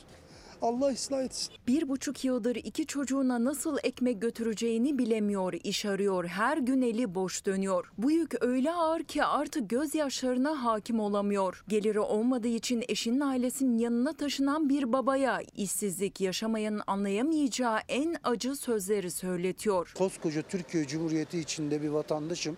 Çocuklarıma ben kendimi bir ev muhafaza edemiyorsam, çocuklarımın ihtiyaclarını gideremiyorsam ben kendimi e, insan gözüyle göremiyorum artık. Şoför olarak ne bana verilen ne iş varsa ben şoför olarak görevimi yaparım. Buraya gelmişiz şimdi gideceğiz yani mantıksız. Pek bir şey diyemeyeceğim ya. Yani kusura bakmayın devam edemeyeceğim ama Allah ıslah etsin. İstihdam kayıplarımızı telafi ederek 2020 Nisan'ından bu yana 2 milyon 887 bin istihdam artışı sağladık. Pandemi döneminde yapılan kıyaslamaların sağlıklı olması mümkün değil. 2020 yılı Nisan ayı pandeminin en kötü olduğu dönem. Cumhurbaşkanı Erdoğan 15 ayda 3 milyona yakın istihdam sağlandığını söyledi. Diske göre ise üretici enflasyonun bu kadar yüksek olduğu bir ortamda istihdam artışı zor. Üretici enflasyonu %40'ların üzerine çıkmış durumda ve üretici enflasyonuyla tüketici enflasyonu arasındaki makas ise tarihi zirvesinde. Son iki yılda üretici enflasyonu üfe en düşük seviyesini %1,70 ile Ekim 2019'da gördü. O ay istihdam oranı %45,9'du. Bir yıl sonra üfe %18,20'ye yükseldi. İstihdam geriledi. Bu yıl henüz Haziran ayının istihdam oranı bilinmiyor ama üretici enflasyonu rekor seviyede. Bu da tüm çalışanları etkileyecek diske göre. %43'ler düzeyinde olan üretici enflasyonunun önümüzdeki günlerde hepimizin gelir düzeyine, alım gücüne etki yapacağı da son derece açık. Bir de aylardır hatta yıllardır istihdam edilemeyenler var. Ne iş olursa yaparım demesine rağmen iş başvurusuna geri dönüş alamayanlar. İki senedir işsizim. Hiç iş aradınız mı bu süreç? Çok çok 50 yere başvurdum. Yaştan dolayı almıyorlar. Emeklilik var mı? Yok. iki senem var. iki seneyi dolduracağım ki emekli olayım. Geliriniz var mı? Hiçbir gelirim yok. Günlük işlere gidiyoruz. Temizlik, şu bu. Ne iş bulursak gidiyoruz. Türkiye İş Kurumu İşkur yani iş bulmada en yetkili resmi kurum. İstihdam sağlamada önce olması gerekirken işsizler kapısını defalarca çalmak zorunda kalıyor. Aldıkları cevapsa ortak, iş yok deniliyor. İki kere daha ben İşkur'a başvurdum. Bu üçüncü gelişim. Her türlü işi yaparız yani. Temizlikte yaparız, ne bileyim eee, şoförlük yaparız. Hızlıca Korkusuz Gazetesi'ne de bakalım. Üreticiler aylardır beklettikleri zamları vatandaşa yansıtmayı planlıyor. Sonbaharda zam fırtınası geliyor.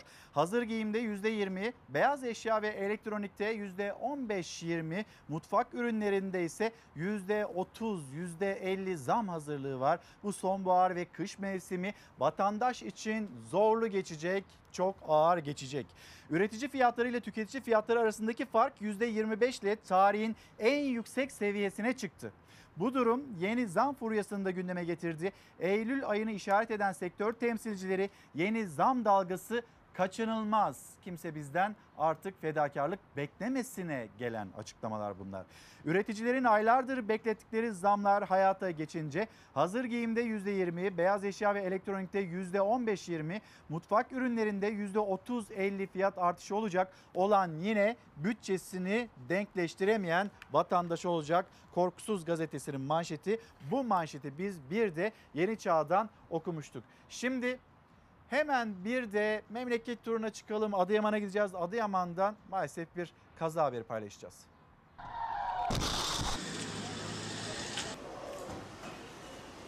Otomobil kaldırımdaki yayaların arasına daldı. Biri bebek, dört kişi yaralandı.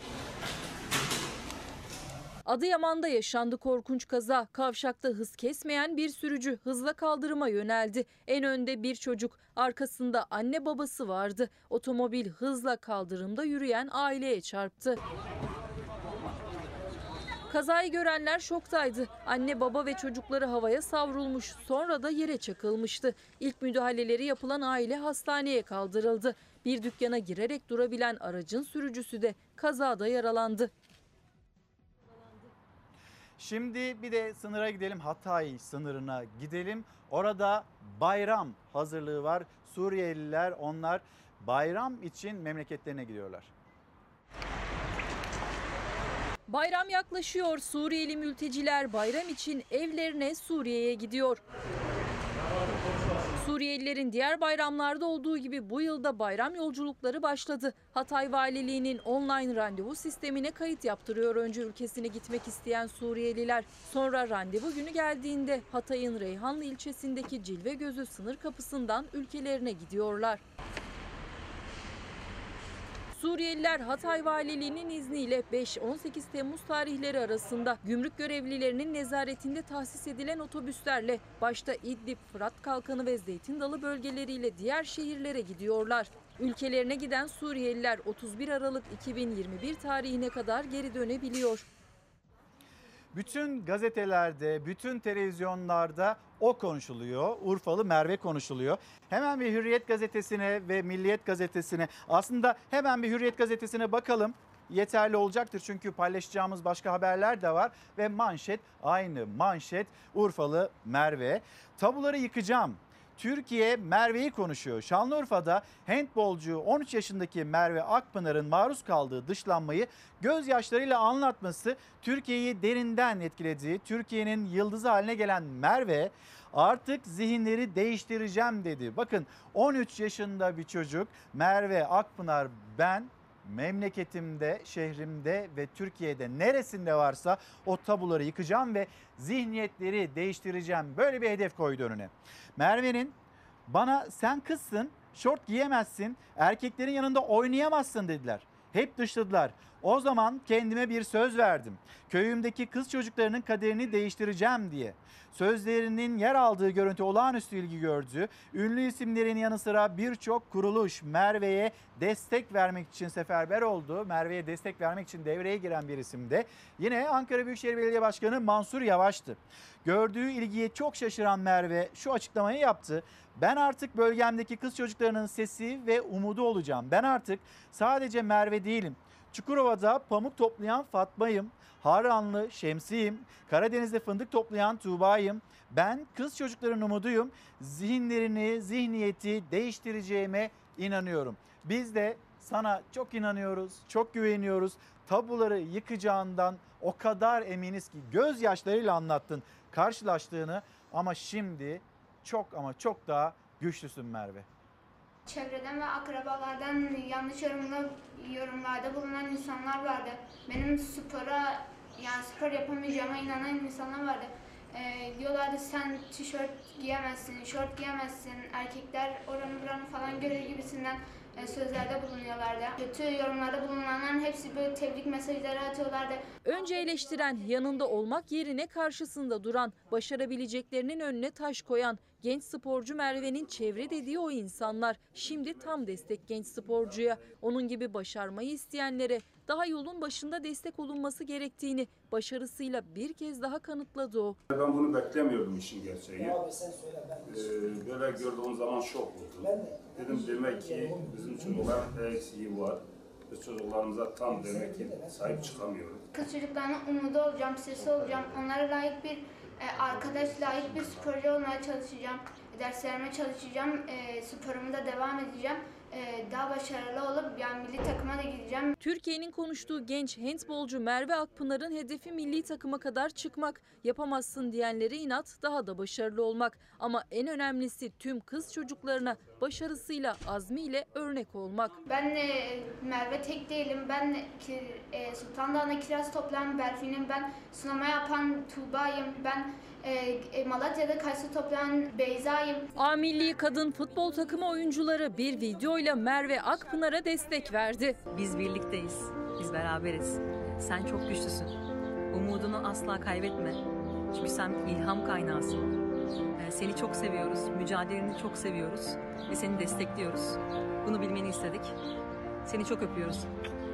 Ankara Büyükşehir Belediye Başkanı Mansur Yavaş ise 13 yaşındaki Şanlıurfalı handbolcu Merve Akpınar'ın ilhamıyla Ego Spor Kulübü'ne kardeş olacak Şanlıurfa Güneş'in Çocukları Gençlik ve Spor Kulübü'nün kuruluşuna hazırlandıklarını açıkladı.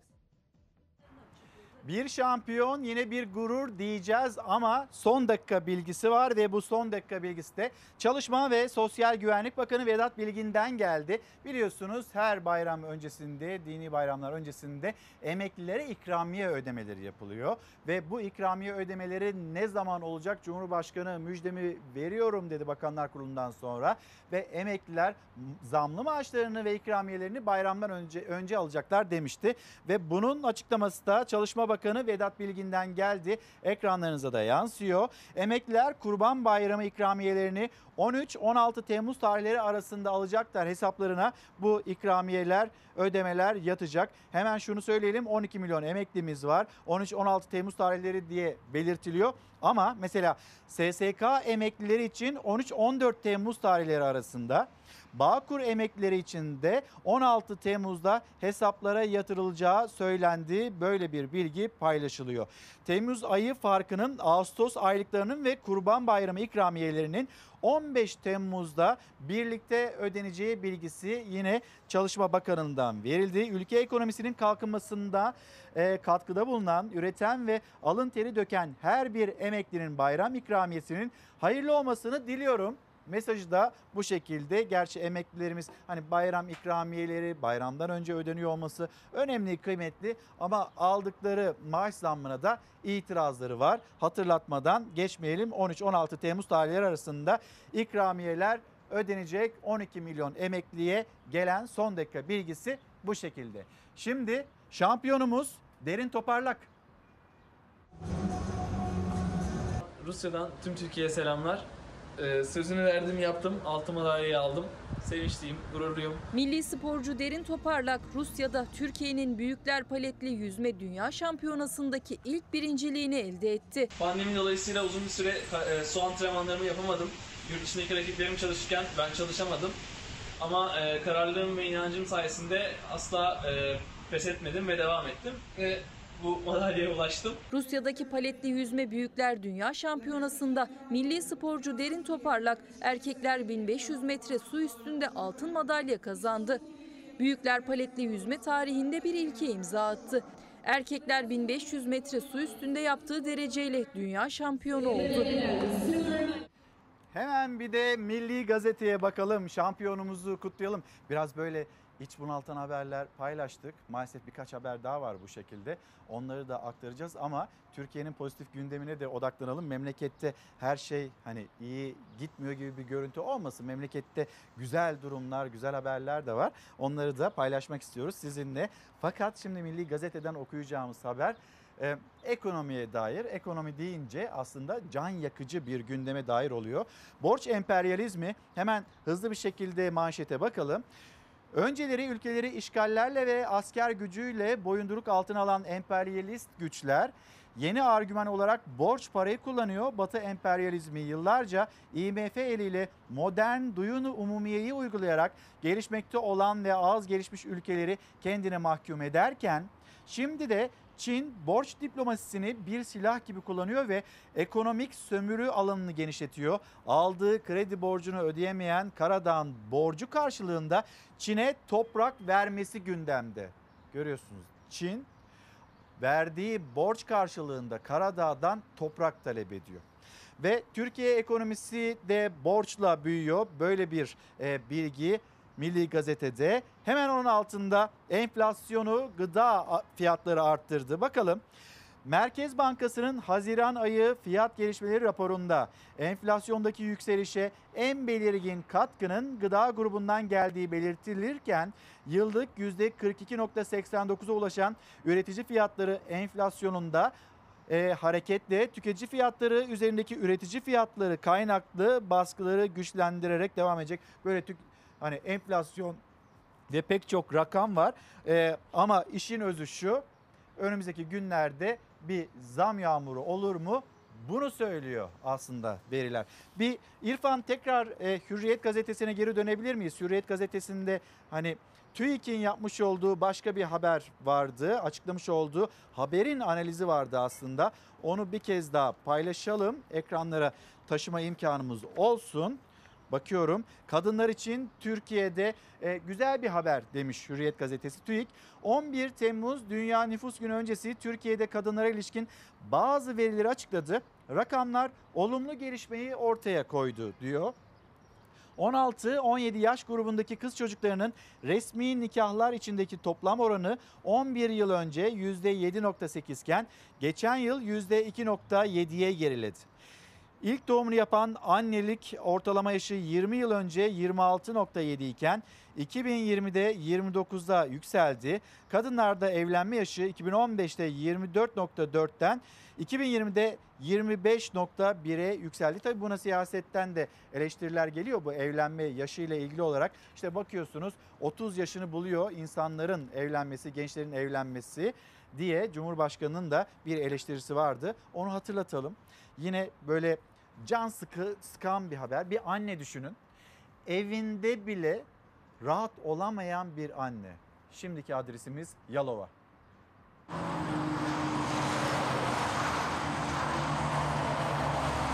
Ben burada yatıyordum saat beş buçukta işte o sırada. Ee, sesi duyunca şuradan sadece eğilip böyle baktım. Kişinin e, çatıda üstüne çıktığımda buradaki camdan gözüküyor. Zaten direkt buradan aşağı çıkıp ka- kaçtım. Herhangi bir işlem yapmayacak mısınız? E, illa dedim benim ölmem mi gerekiyor? Tacize, şiddete uğrayan her kadın gibi onun isyanı da aynı. Kendi evinde bile güvende değil, rahat bir nefes almak istiyor. Çünkü iddiaya göre daha önce iki kez karşısına çıkan bu adam son olarak balkonuna böyle tırmandı, içeri girdi. Genç kadın zor kaçtı. Kişinin girdiği yer benim çocuğum odası çocuğumun yatağı ama çocuğum o, o gün babasındaydı. E, o da burada olabilirdi. Burada yatıyor olabilirdi. E, o zaman ben kişiyle yüzleşmek zorunda kalacaktım. 30 yaşındaki Meral Gülseven Yalova'nın Altınova ilçesinde 2,5 yaşındaki oğluyla yaşıyor. FY tarafından defalarca rahatsız edildi iddiasına göre pizzacı kuryesi olduğunu söyleyerek bile çaldı kapısını saplantılı adam. Yılbaşı gecesi tekrardan pizzacıyım diye kapıyı çaldı.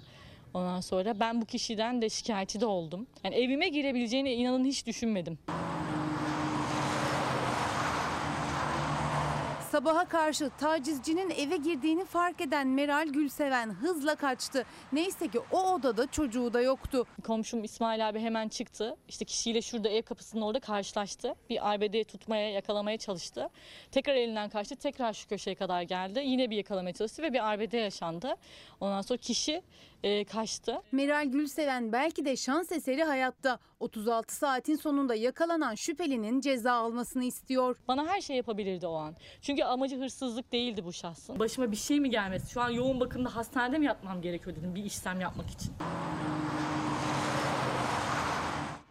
Çiftçimizin de sesini duyacağız. Çiftçimiz zora düştüğünde yanında kimseyi bulabiliyor mu, bulamıyor mu? Bunun haberini paylaşacağız. Nazlı Yerebasmaz'ın özel haberi Benim Hikayem köşesinde.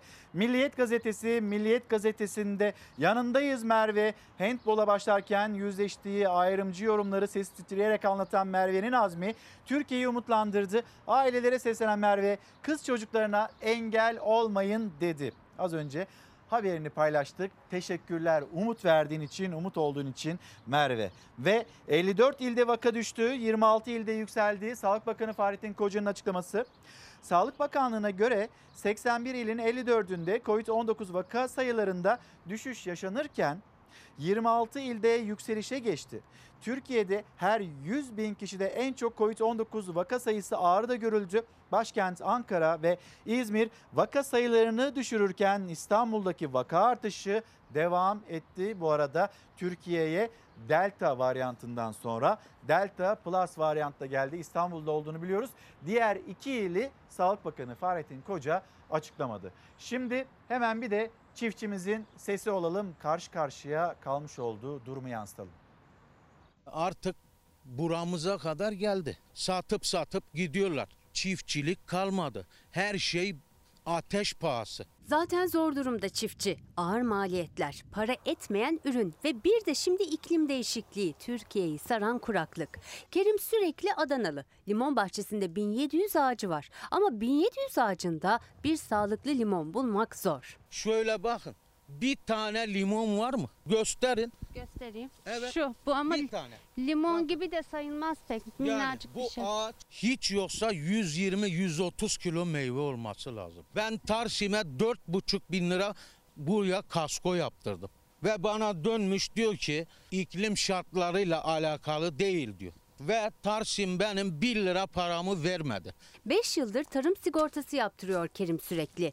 Bu yıl Haziran'da gündüzleri çok sıcak geceleri soğuk geçti Adana'da. Limonda verim düştü. Zararını Tarsim karşılar sanmıştı ama Sizin hatanızdan dolayı. Onun için dedi Tarsim ödeme yapmıyor. Bu bireysel bir şey değil. Gece ile gündüz arasındaki ısı farkı birçok bazı cins- cinslerde ürün dökülmesine neden oldu. Hava şartlarından oluyor, sıcaklardan oluyor. Gel gelelim ki çiftçinin sahibi yok. Tarsim'in burada hi- hiçbir şey aramadan üreticinin mağduriyetini e, gidermesi gerekiyor. Kerim süreklinin mağduriyeti giderilmedi. Yaşadıklarının sinirinden titreyen elleri bu sene boş kaldı.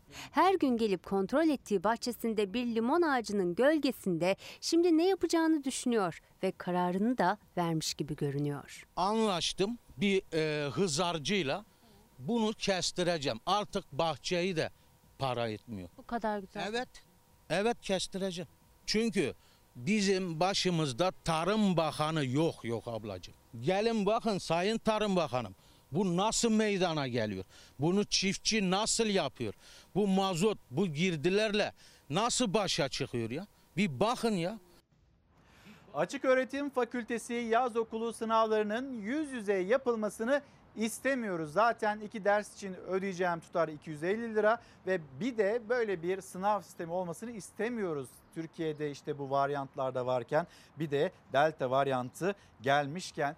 Bugün e, Banu ve Evren için özel bir gün. Bugün onlar hayatlarını birleştirecekler. Kuşkusuz Karadere ve Doğan Gün aileleri için de özel bir gün. Şimdiden kendilerine Banu Hanım'a, Evren Bey'e selamlarımızı iletelim, mutluluklar dileyelim. Bugün doğum gününü kutlayanlar var ama mesajlarda çok böyle gerilerde kaldığı için isim hatırlayamıyorum. Çok özür dilerim. Bugün doğum gününü kutlayan herkesin de doğum günü kutlu olsun. Bir haber Posta Gazetesi'nde ve yine sımsıcak, insanın içini ısıtan bir fedakarlığın haberi. Sen ne güzel bir babasın. Kastamonulu Bekir Köse Covid-19 nedeniyle fizik tedaviye götüremediği 3,5 yaşındaki engelli oğlu için evinde kendi yaptığı aletlerden rehabilitasyon merkezi oluşturdu. Köse'nin aletleri sayesinde minik Burak yürümeye başladı. Siz ne güzel bir babasınız ve Burak'a da acil şifalar dileyelim. Burak da güzel bir şekilde dönsün, arkadaşlarının arasına katılsın, oyunlarını oynayabilsin. Sen ne güzel bir babasın ve Kastamonu'dayız. Aferin aferin. Onun bir adım atması bizim dünyalar kadar önemli. Yani mutlu oluyoruz onun bir adım atması. Atabildiği her adım, öğrendiği her yeni kelime, keşfettiği her yeni beceri dünyanın en büyük mutluluğu demek anne babası için. Baba Bekir Köse 3,5 yaşındaki oğlu Burak için kendi yaptığı aletlerle evin bahçesine rehabilitasyon merkezi kurdu. Emeklemekte bile zorlanan Burak şimdi adım atabiliyor. İlk zamanlar daha emekleyemiyordu. Şu an daha rahat yürüyor yani. İleriki zamanda da bağımsız yürüyecek inşallah. Buna inanıyorum. Kastamonu Yeşilpınar köyünde 3,5 yıl önce erken doğumla dünyaya geldi Burak Köse. 1 yaşına geldiğinde ailesi vücudunda kasılmalar fark etti. Doktorlar küçük Burak'a serebral palsi teşhisi koydu. Aile ve Burak için fizik tedavi süreci başladı. Ancak haftada iki gün merkezde gördüğü tedavi dışında da bir şeyler yapmak istiyordu baba Bekir Köse. Burak'ın çalıştırıldığı aletlerin benzerlerini ahşaptan yapmaya karar verdi. Yürüteç yaptım ahşap tekerlekli. Onunla yürüyor. Ondan sonra kendini dengede sağlaması için scooter, scooter'a benzer alet yaptım. Onu da yürütüyorum. Para, paralel bar var. Onu da yürütüyorum. Fizik tedavi merkezinde gördüm ben böyle. Ben de aynısını evde yaptım. Böyle. Diğer günlerde ise evde devam ediyoruz kendi çapımızda. Fizik tedavi merkezine gitmediği günlerde evde çalışıyor Burak babasının yardımıyla ve henüz destekle de olsa adım atmaya başladı. Baba Bekir Köse umutlu. Burak ilerleyen zamanlarda tek başına da yürüyebilecek. çok daha iyi olacak Burak. İşte böyle bir babası, böyle bir ailesi olduğu için de çok şanslı. Güzel haberleri bu şekilde aktaralım. Devamı da gelsin istiyoruz. Burak'ın böyle yürüdüğü bu aletlere ihtiyacı kalmadan yürüdüğü haberini de sizinle paylaşmak istiyoruz. İyi ki varsınız. Bu fedakar babanın haberini de paylaşmış olduk böylelikle. Şimdi böyle babalar var, böyle aileler var. Bir de bu nasıl kalp, bu nasıl vicdan dedirten kişiler. Zaten annesinin adıyla geldi bize. Ada Dünya 3 hafta oldu dünyaya geleli. Hala hastanede. Çünkü anne babası onu almaya gelmiyor. Makine ihtiyacı, antibiyotik gereksinimi vardı. Hekim kadromuzla beraber e, ona bir e, tedavi başlandı. Gaziantep'te Abdülkadir Yüksel Devlet Hastanesi'nde 14 Haziran pazartesi günü TS sezaryenle bir kız bebek dünyaya getirdi. Bebek doğumdan sonra solunum yetersizliği nedeniyle özel bir hastaneye sevk edildi. Kuvöz'de tedaviye alınan bebeğin annesi ise hastanedeki tedavisinin ardından taburcu oldu. Sağlık sorunları bitip tedavi artık sona erince bebeği taburculuk planı yapıldı. Ee, biz bu süreçte tabii aileyi aradık, ulaşamadık. Zaman geçti ancak sevk edilen bebeği arayan soran olmadı. Özel hastanenin çalışanları bilgi vermek için annesine ulaşmaya çalıştı. Ancak başarılı olamadı. İhbar üzerine çalışma başlatan polis TS'nin ailesine ulaştı. Ama onlar da kızlarıyla uzun süredir görüşmüyorlardı. Bebeğin aslında acı hikayesi ortaya çıkmış oldu. E, Hepimiz büyük bir üzüntü içerisine girdik yani. Ee, annesinin hani bebekle annenin hiçbir şekilde görüşmediği, bebeği bırakıp gittiğini öğrendik. Dünya anne babasını bekliyor. Polisin soruşturması ise devam ediyor. E, Buradaki herkes, tüm ekip aslında e, canla başına ona anne baba, kardeş, abla, teyze olma çabası içerisine girdi. E, Bir nevi bizim için mutluluk kaynağı. Yani biz onu kendi çocuğumuz gibi seviyoruz. Şimdi bir kahramanın haberi için sınırlarımızın ötesine uzanacağız ama önce elektrik faturaları felaket ilave ödemelerle yaktığının tam iki katı ödüyorsun. Doğalgaz ve benzini söylemeye gerek yok onlar da tek kelimeyle facia Aysel Yavuz'un mesajı bu şekilde. Nermin Hanım, Nermin Barlas günaydın bizi takip alan izleyicilerimizden birisi. Muhittin Öztürk'le birlikte hem bizi hem de Türkiye'nin gündemini takip almışlar. Teşekkür ediyoruz kendilerine. Hafize Cebeci de e, güzel günler olsun dileğini temennisini paylaşıyor ve bir yandan da Allah hepimizin yardımcısı olsun ekonomi başlığında bunu paylaşıyor. Ve şimdi sizi bir kahramanla tanıştıracağız.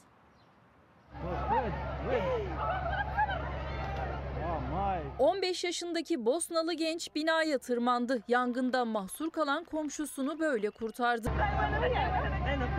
İsveç'te bir dairede yangın çıktı. İçeride biri vardı. Camdan çıkan dumanları gören ve çığlıkları duyan 15 yaşındaki genç bir an bile düşünmedi. Binaya tırmandı. Camdan içeri girip kadını yine camdan aşağıya bekleyenlere sarkıttı. Bosnalı Jasmin Osmanovic ülkede kahraman ilan edildi. Şimdi meteorolojiden son dakika bilgileri ve uyarıları geliyor ve yine sağanak yağış uyarısı hafta boyunca yurt genelinde etkili olan yerel yaz sağanakları bugün de etkisini sürdürecek. Meteorolojinin son değerlendirmelerine göre yurdun kuzey ve iç batı kesimlerinde sağanak yağış bekleniyor deniliyor bu uyarıda. Efendim şimdi hemen sizleri bir İstanbul stüdyomuza e, götürelim. Orada bir misafirimiz daha olacak demiştik. Şişli Belediye Başkanı Muammer Keskin bizleri bekliyor. Günaydın efendim. Beni duyabiliyor musunuz? Günaydın, çok iyi duyuyorum. İyi yayınlar diliyorum İlker Bey. Çok sağ olun, çok teşekkür ederim. Efendim şimdi bugün böyle başlık olarak çok ağır dedik. Bu başlık altında konuştuk. Ekonomiyi daha fazla böyle gündemimizde tutma gayretindeydik. Bir yandan işsizlik yaşanıyor, diğer yandan pahalılık yaşanıyor. Bir geçim derdi yaşanıyor. Ve siz de aslında yerel yöneticilerimizden genel itibariyle bu pandemi sürecinde bu desteği, bu katkıyı işte vatandaşları ya da esnafı ayakta tutmak için çabaları gördük.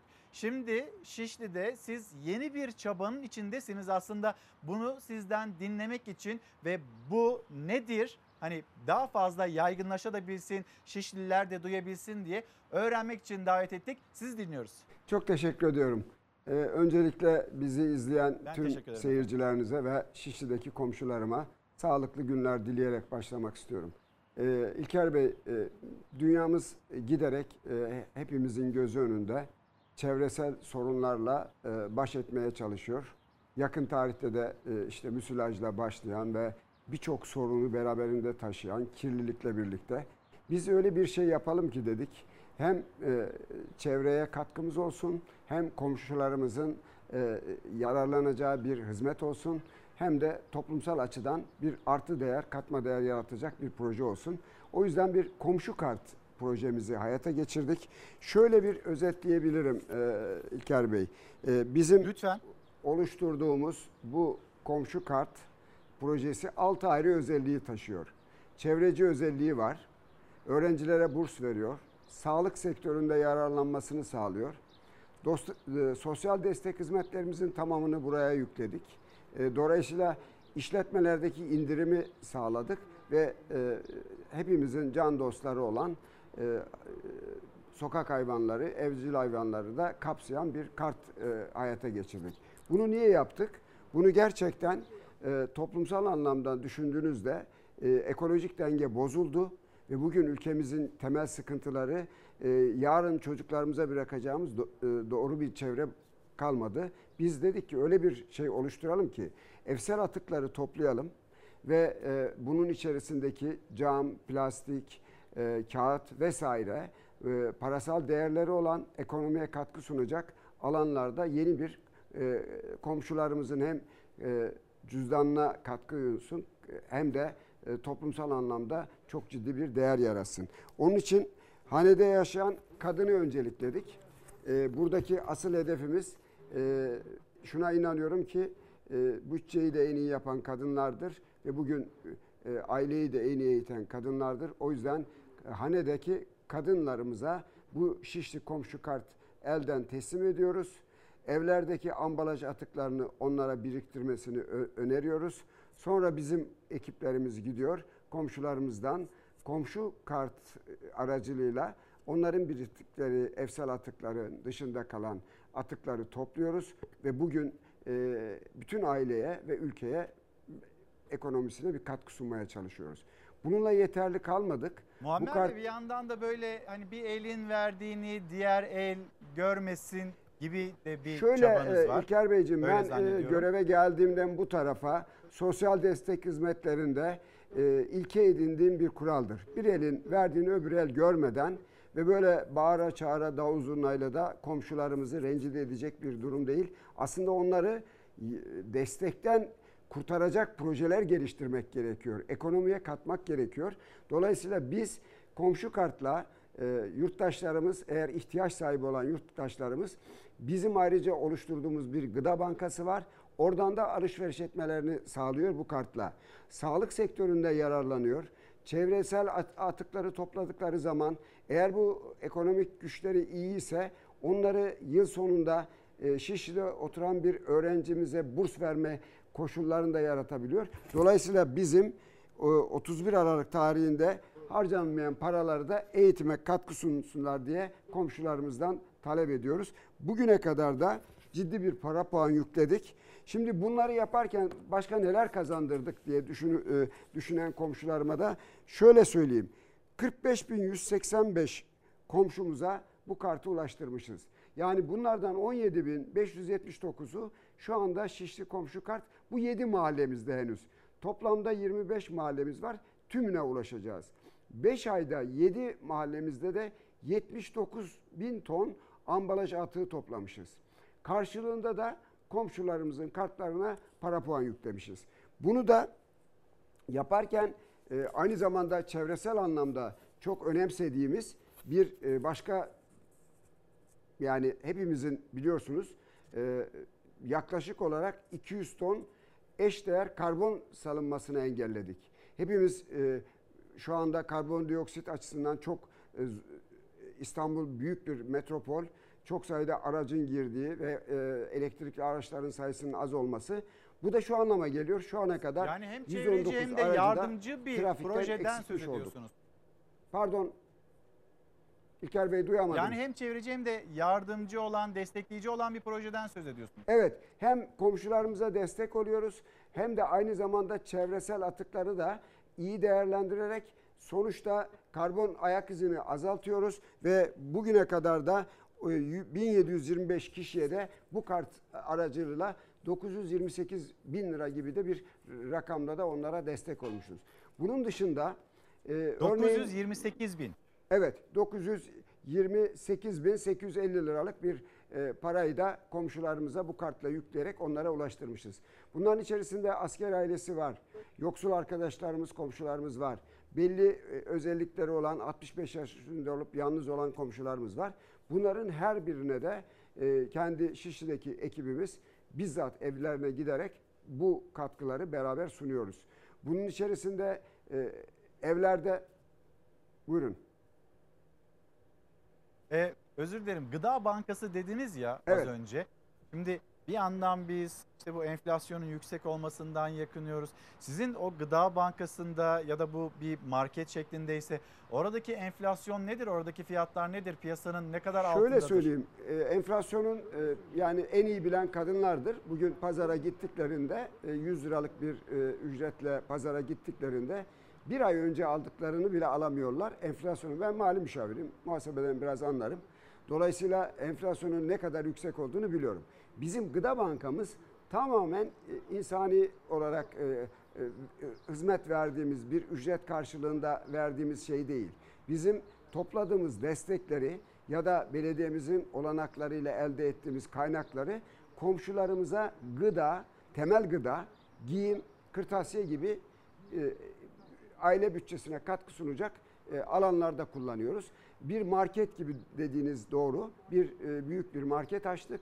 O marketten sadece Şişli'de e, komşu kartı alan ve göreceli de belli ekonomik koşullara uygun olmayan komşularıma veriyoruz. Bunu da biz böyle bir evine gidip komşularının yanında rencide etmeden ulaştırmaya çalışıyoruz. Bizim için önemsediğimiz bu kartın asıl amacı gerçekten sadece ülke ekonomisine katkı sunması yeterli değil. Komşularımıza aynı zamanda da bölgemizdeki esnaftan da alışveriş etmesini sağlıyor. Yine bu kartın Visa özellikli, Visa tabanlı olması da Türkiye'nin her yerinde e, kredi kartı gibi de kullanma şansına sahip.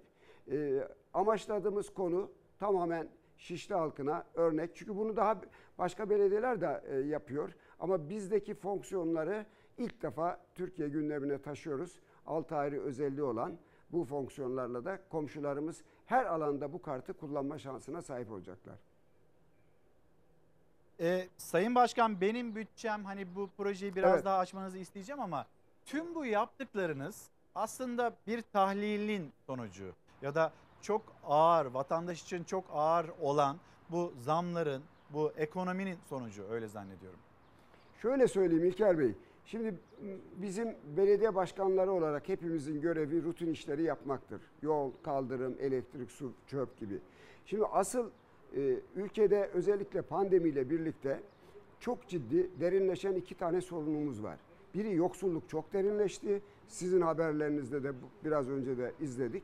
İkincisi de psikolojik sorunlar çok arttı. Aile içi şiddet çok arttı.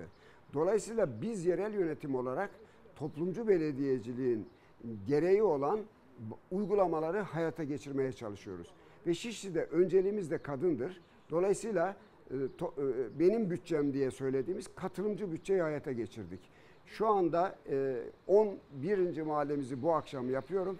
E, arkadaşlarımız çok büyük emek verdi. Katılımcı bütçedeki temel kriter de şudur. E, bizim belediyemizin yasal olarak yapmış olduğumuz bütçenin genel giderlerini çıktıktan sonra kalan kısmını 25 mahallede oluşturduğumuz komisyonlar, komitelerle e, o mahallede öncelikli ne yapılmasını gerektiğini orada oturan komşularım daha iyi bilir. Bu çerçevede biz komşularımıza sorarak mahallenize ne yapmamız gerekiyor? Daha önce de stratejik plan yapmıştık. Bu stratejik planda o mahalleliye sormuştuk. Mahallenizden ne istiyorsunuz diye. Biz de onlardan aldığımız geri dönüşümlerle bugün artık e, dünyanın birçok ülkesinde yani 35 ülkede 2000 civarında belediye katılımcı bütçeyi uyguluyor. Şişli Türkiye'de 36. ülke olarak e, ta- e, kayıtlara geçmesini istiyoruz ve belki şu anda dünyanın başka yerlerinde de e, bu projeyi hayata geçiren belediyeler vardır.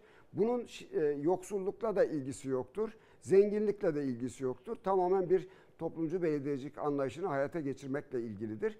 Biz de burada Hindistan'dan alın, e, Afrika'ya, Brezilya'dan alın, Avrupa'nın birçok şeyine, Asya'dan Rusya'ya, e, İran'dan e, dünyanın herhangi bir ülkesinde uygulanabilir bir modeli e, komşularımızın fikirlerini alarak hayata geçirmeye çalışıyoruz ki komşu e, eğer onlar bizi 5 yılda bir oy veren insanlar değil, bizi denetleyen, bize sorgu soran şeffaf bir yönetimin de e, ortakları olacaklar. Buradan sizin aracılığınızla tüm Şişli'deki komşularımı hatta yolu bize düşen, Şişli'ye düşen komşularımın da bu bütçeye katılmalarını biz şu anda 7 yaşın üzerindeki çocuklarımızı da bu işe kattık.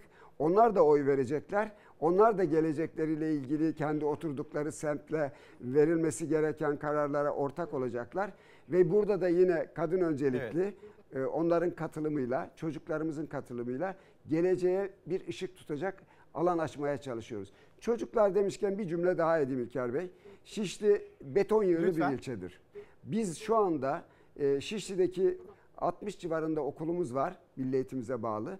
Bu okulların e, Milli Eğitim Müdürüme, kaymakamıma da buradan saygı ve sevgilerimi sunarım. Ortak bir proje geliştirdik. Betonu kırdık, çocuklarımızı tarımla buluşturduk. Ya maydanoz nedir? Çilek nedir? E, sebze nedir? Çok meyve güzel. nedir? Bunu e, şu anda da e, ikisiyle de bütünleştirebiliriz. Hem komşu kartla çocuklarımızı çevreci bir anlayışla yetiştirmeye çalışıyoruz. Onların Şişli'de oynayacak parkları yok, yeşil alanları yok.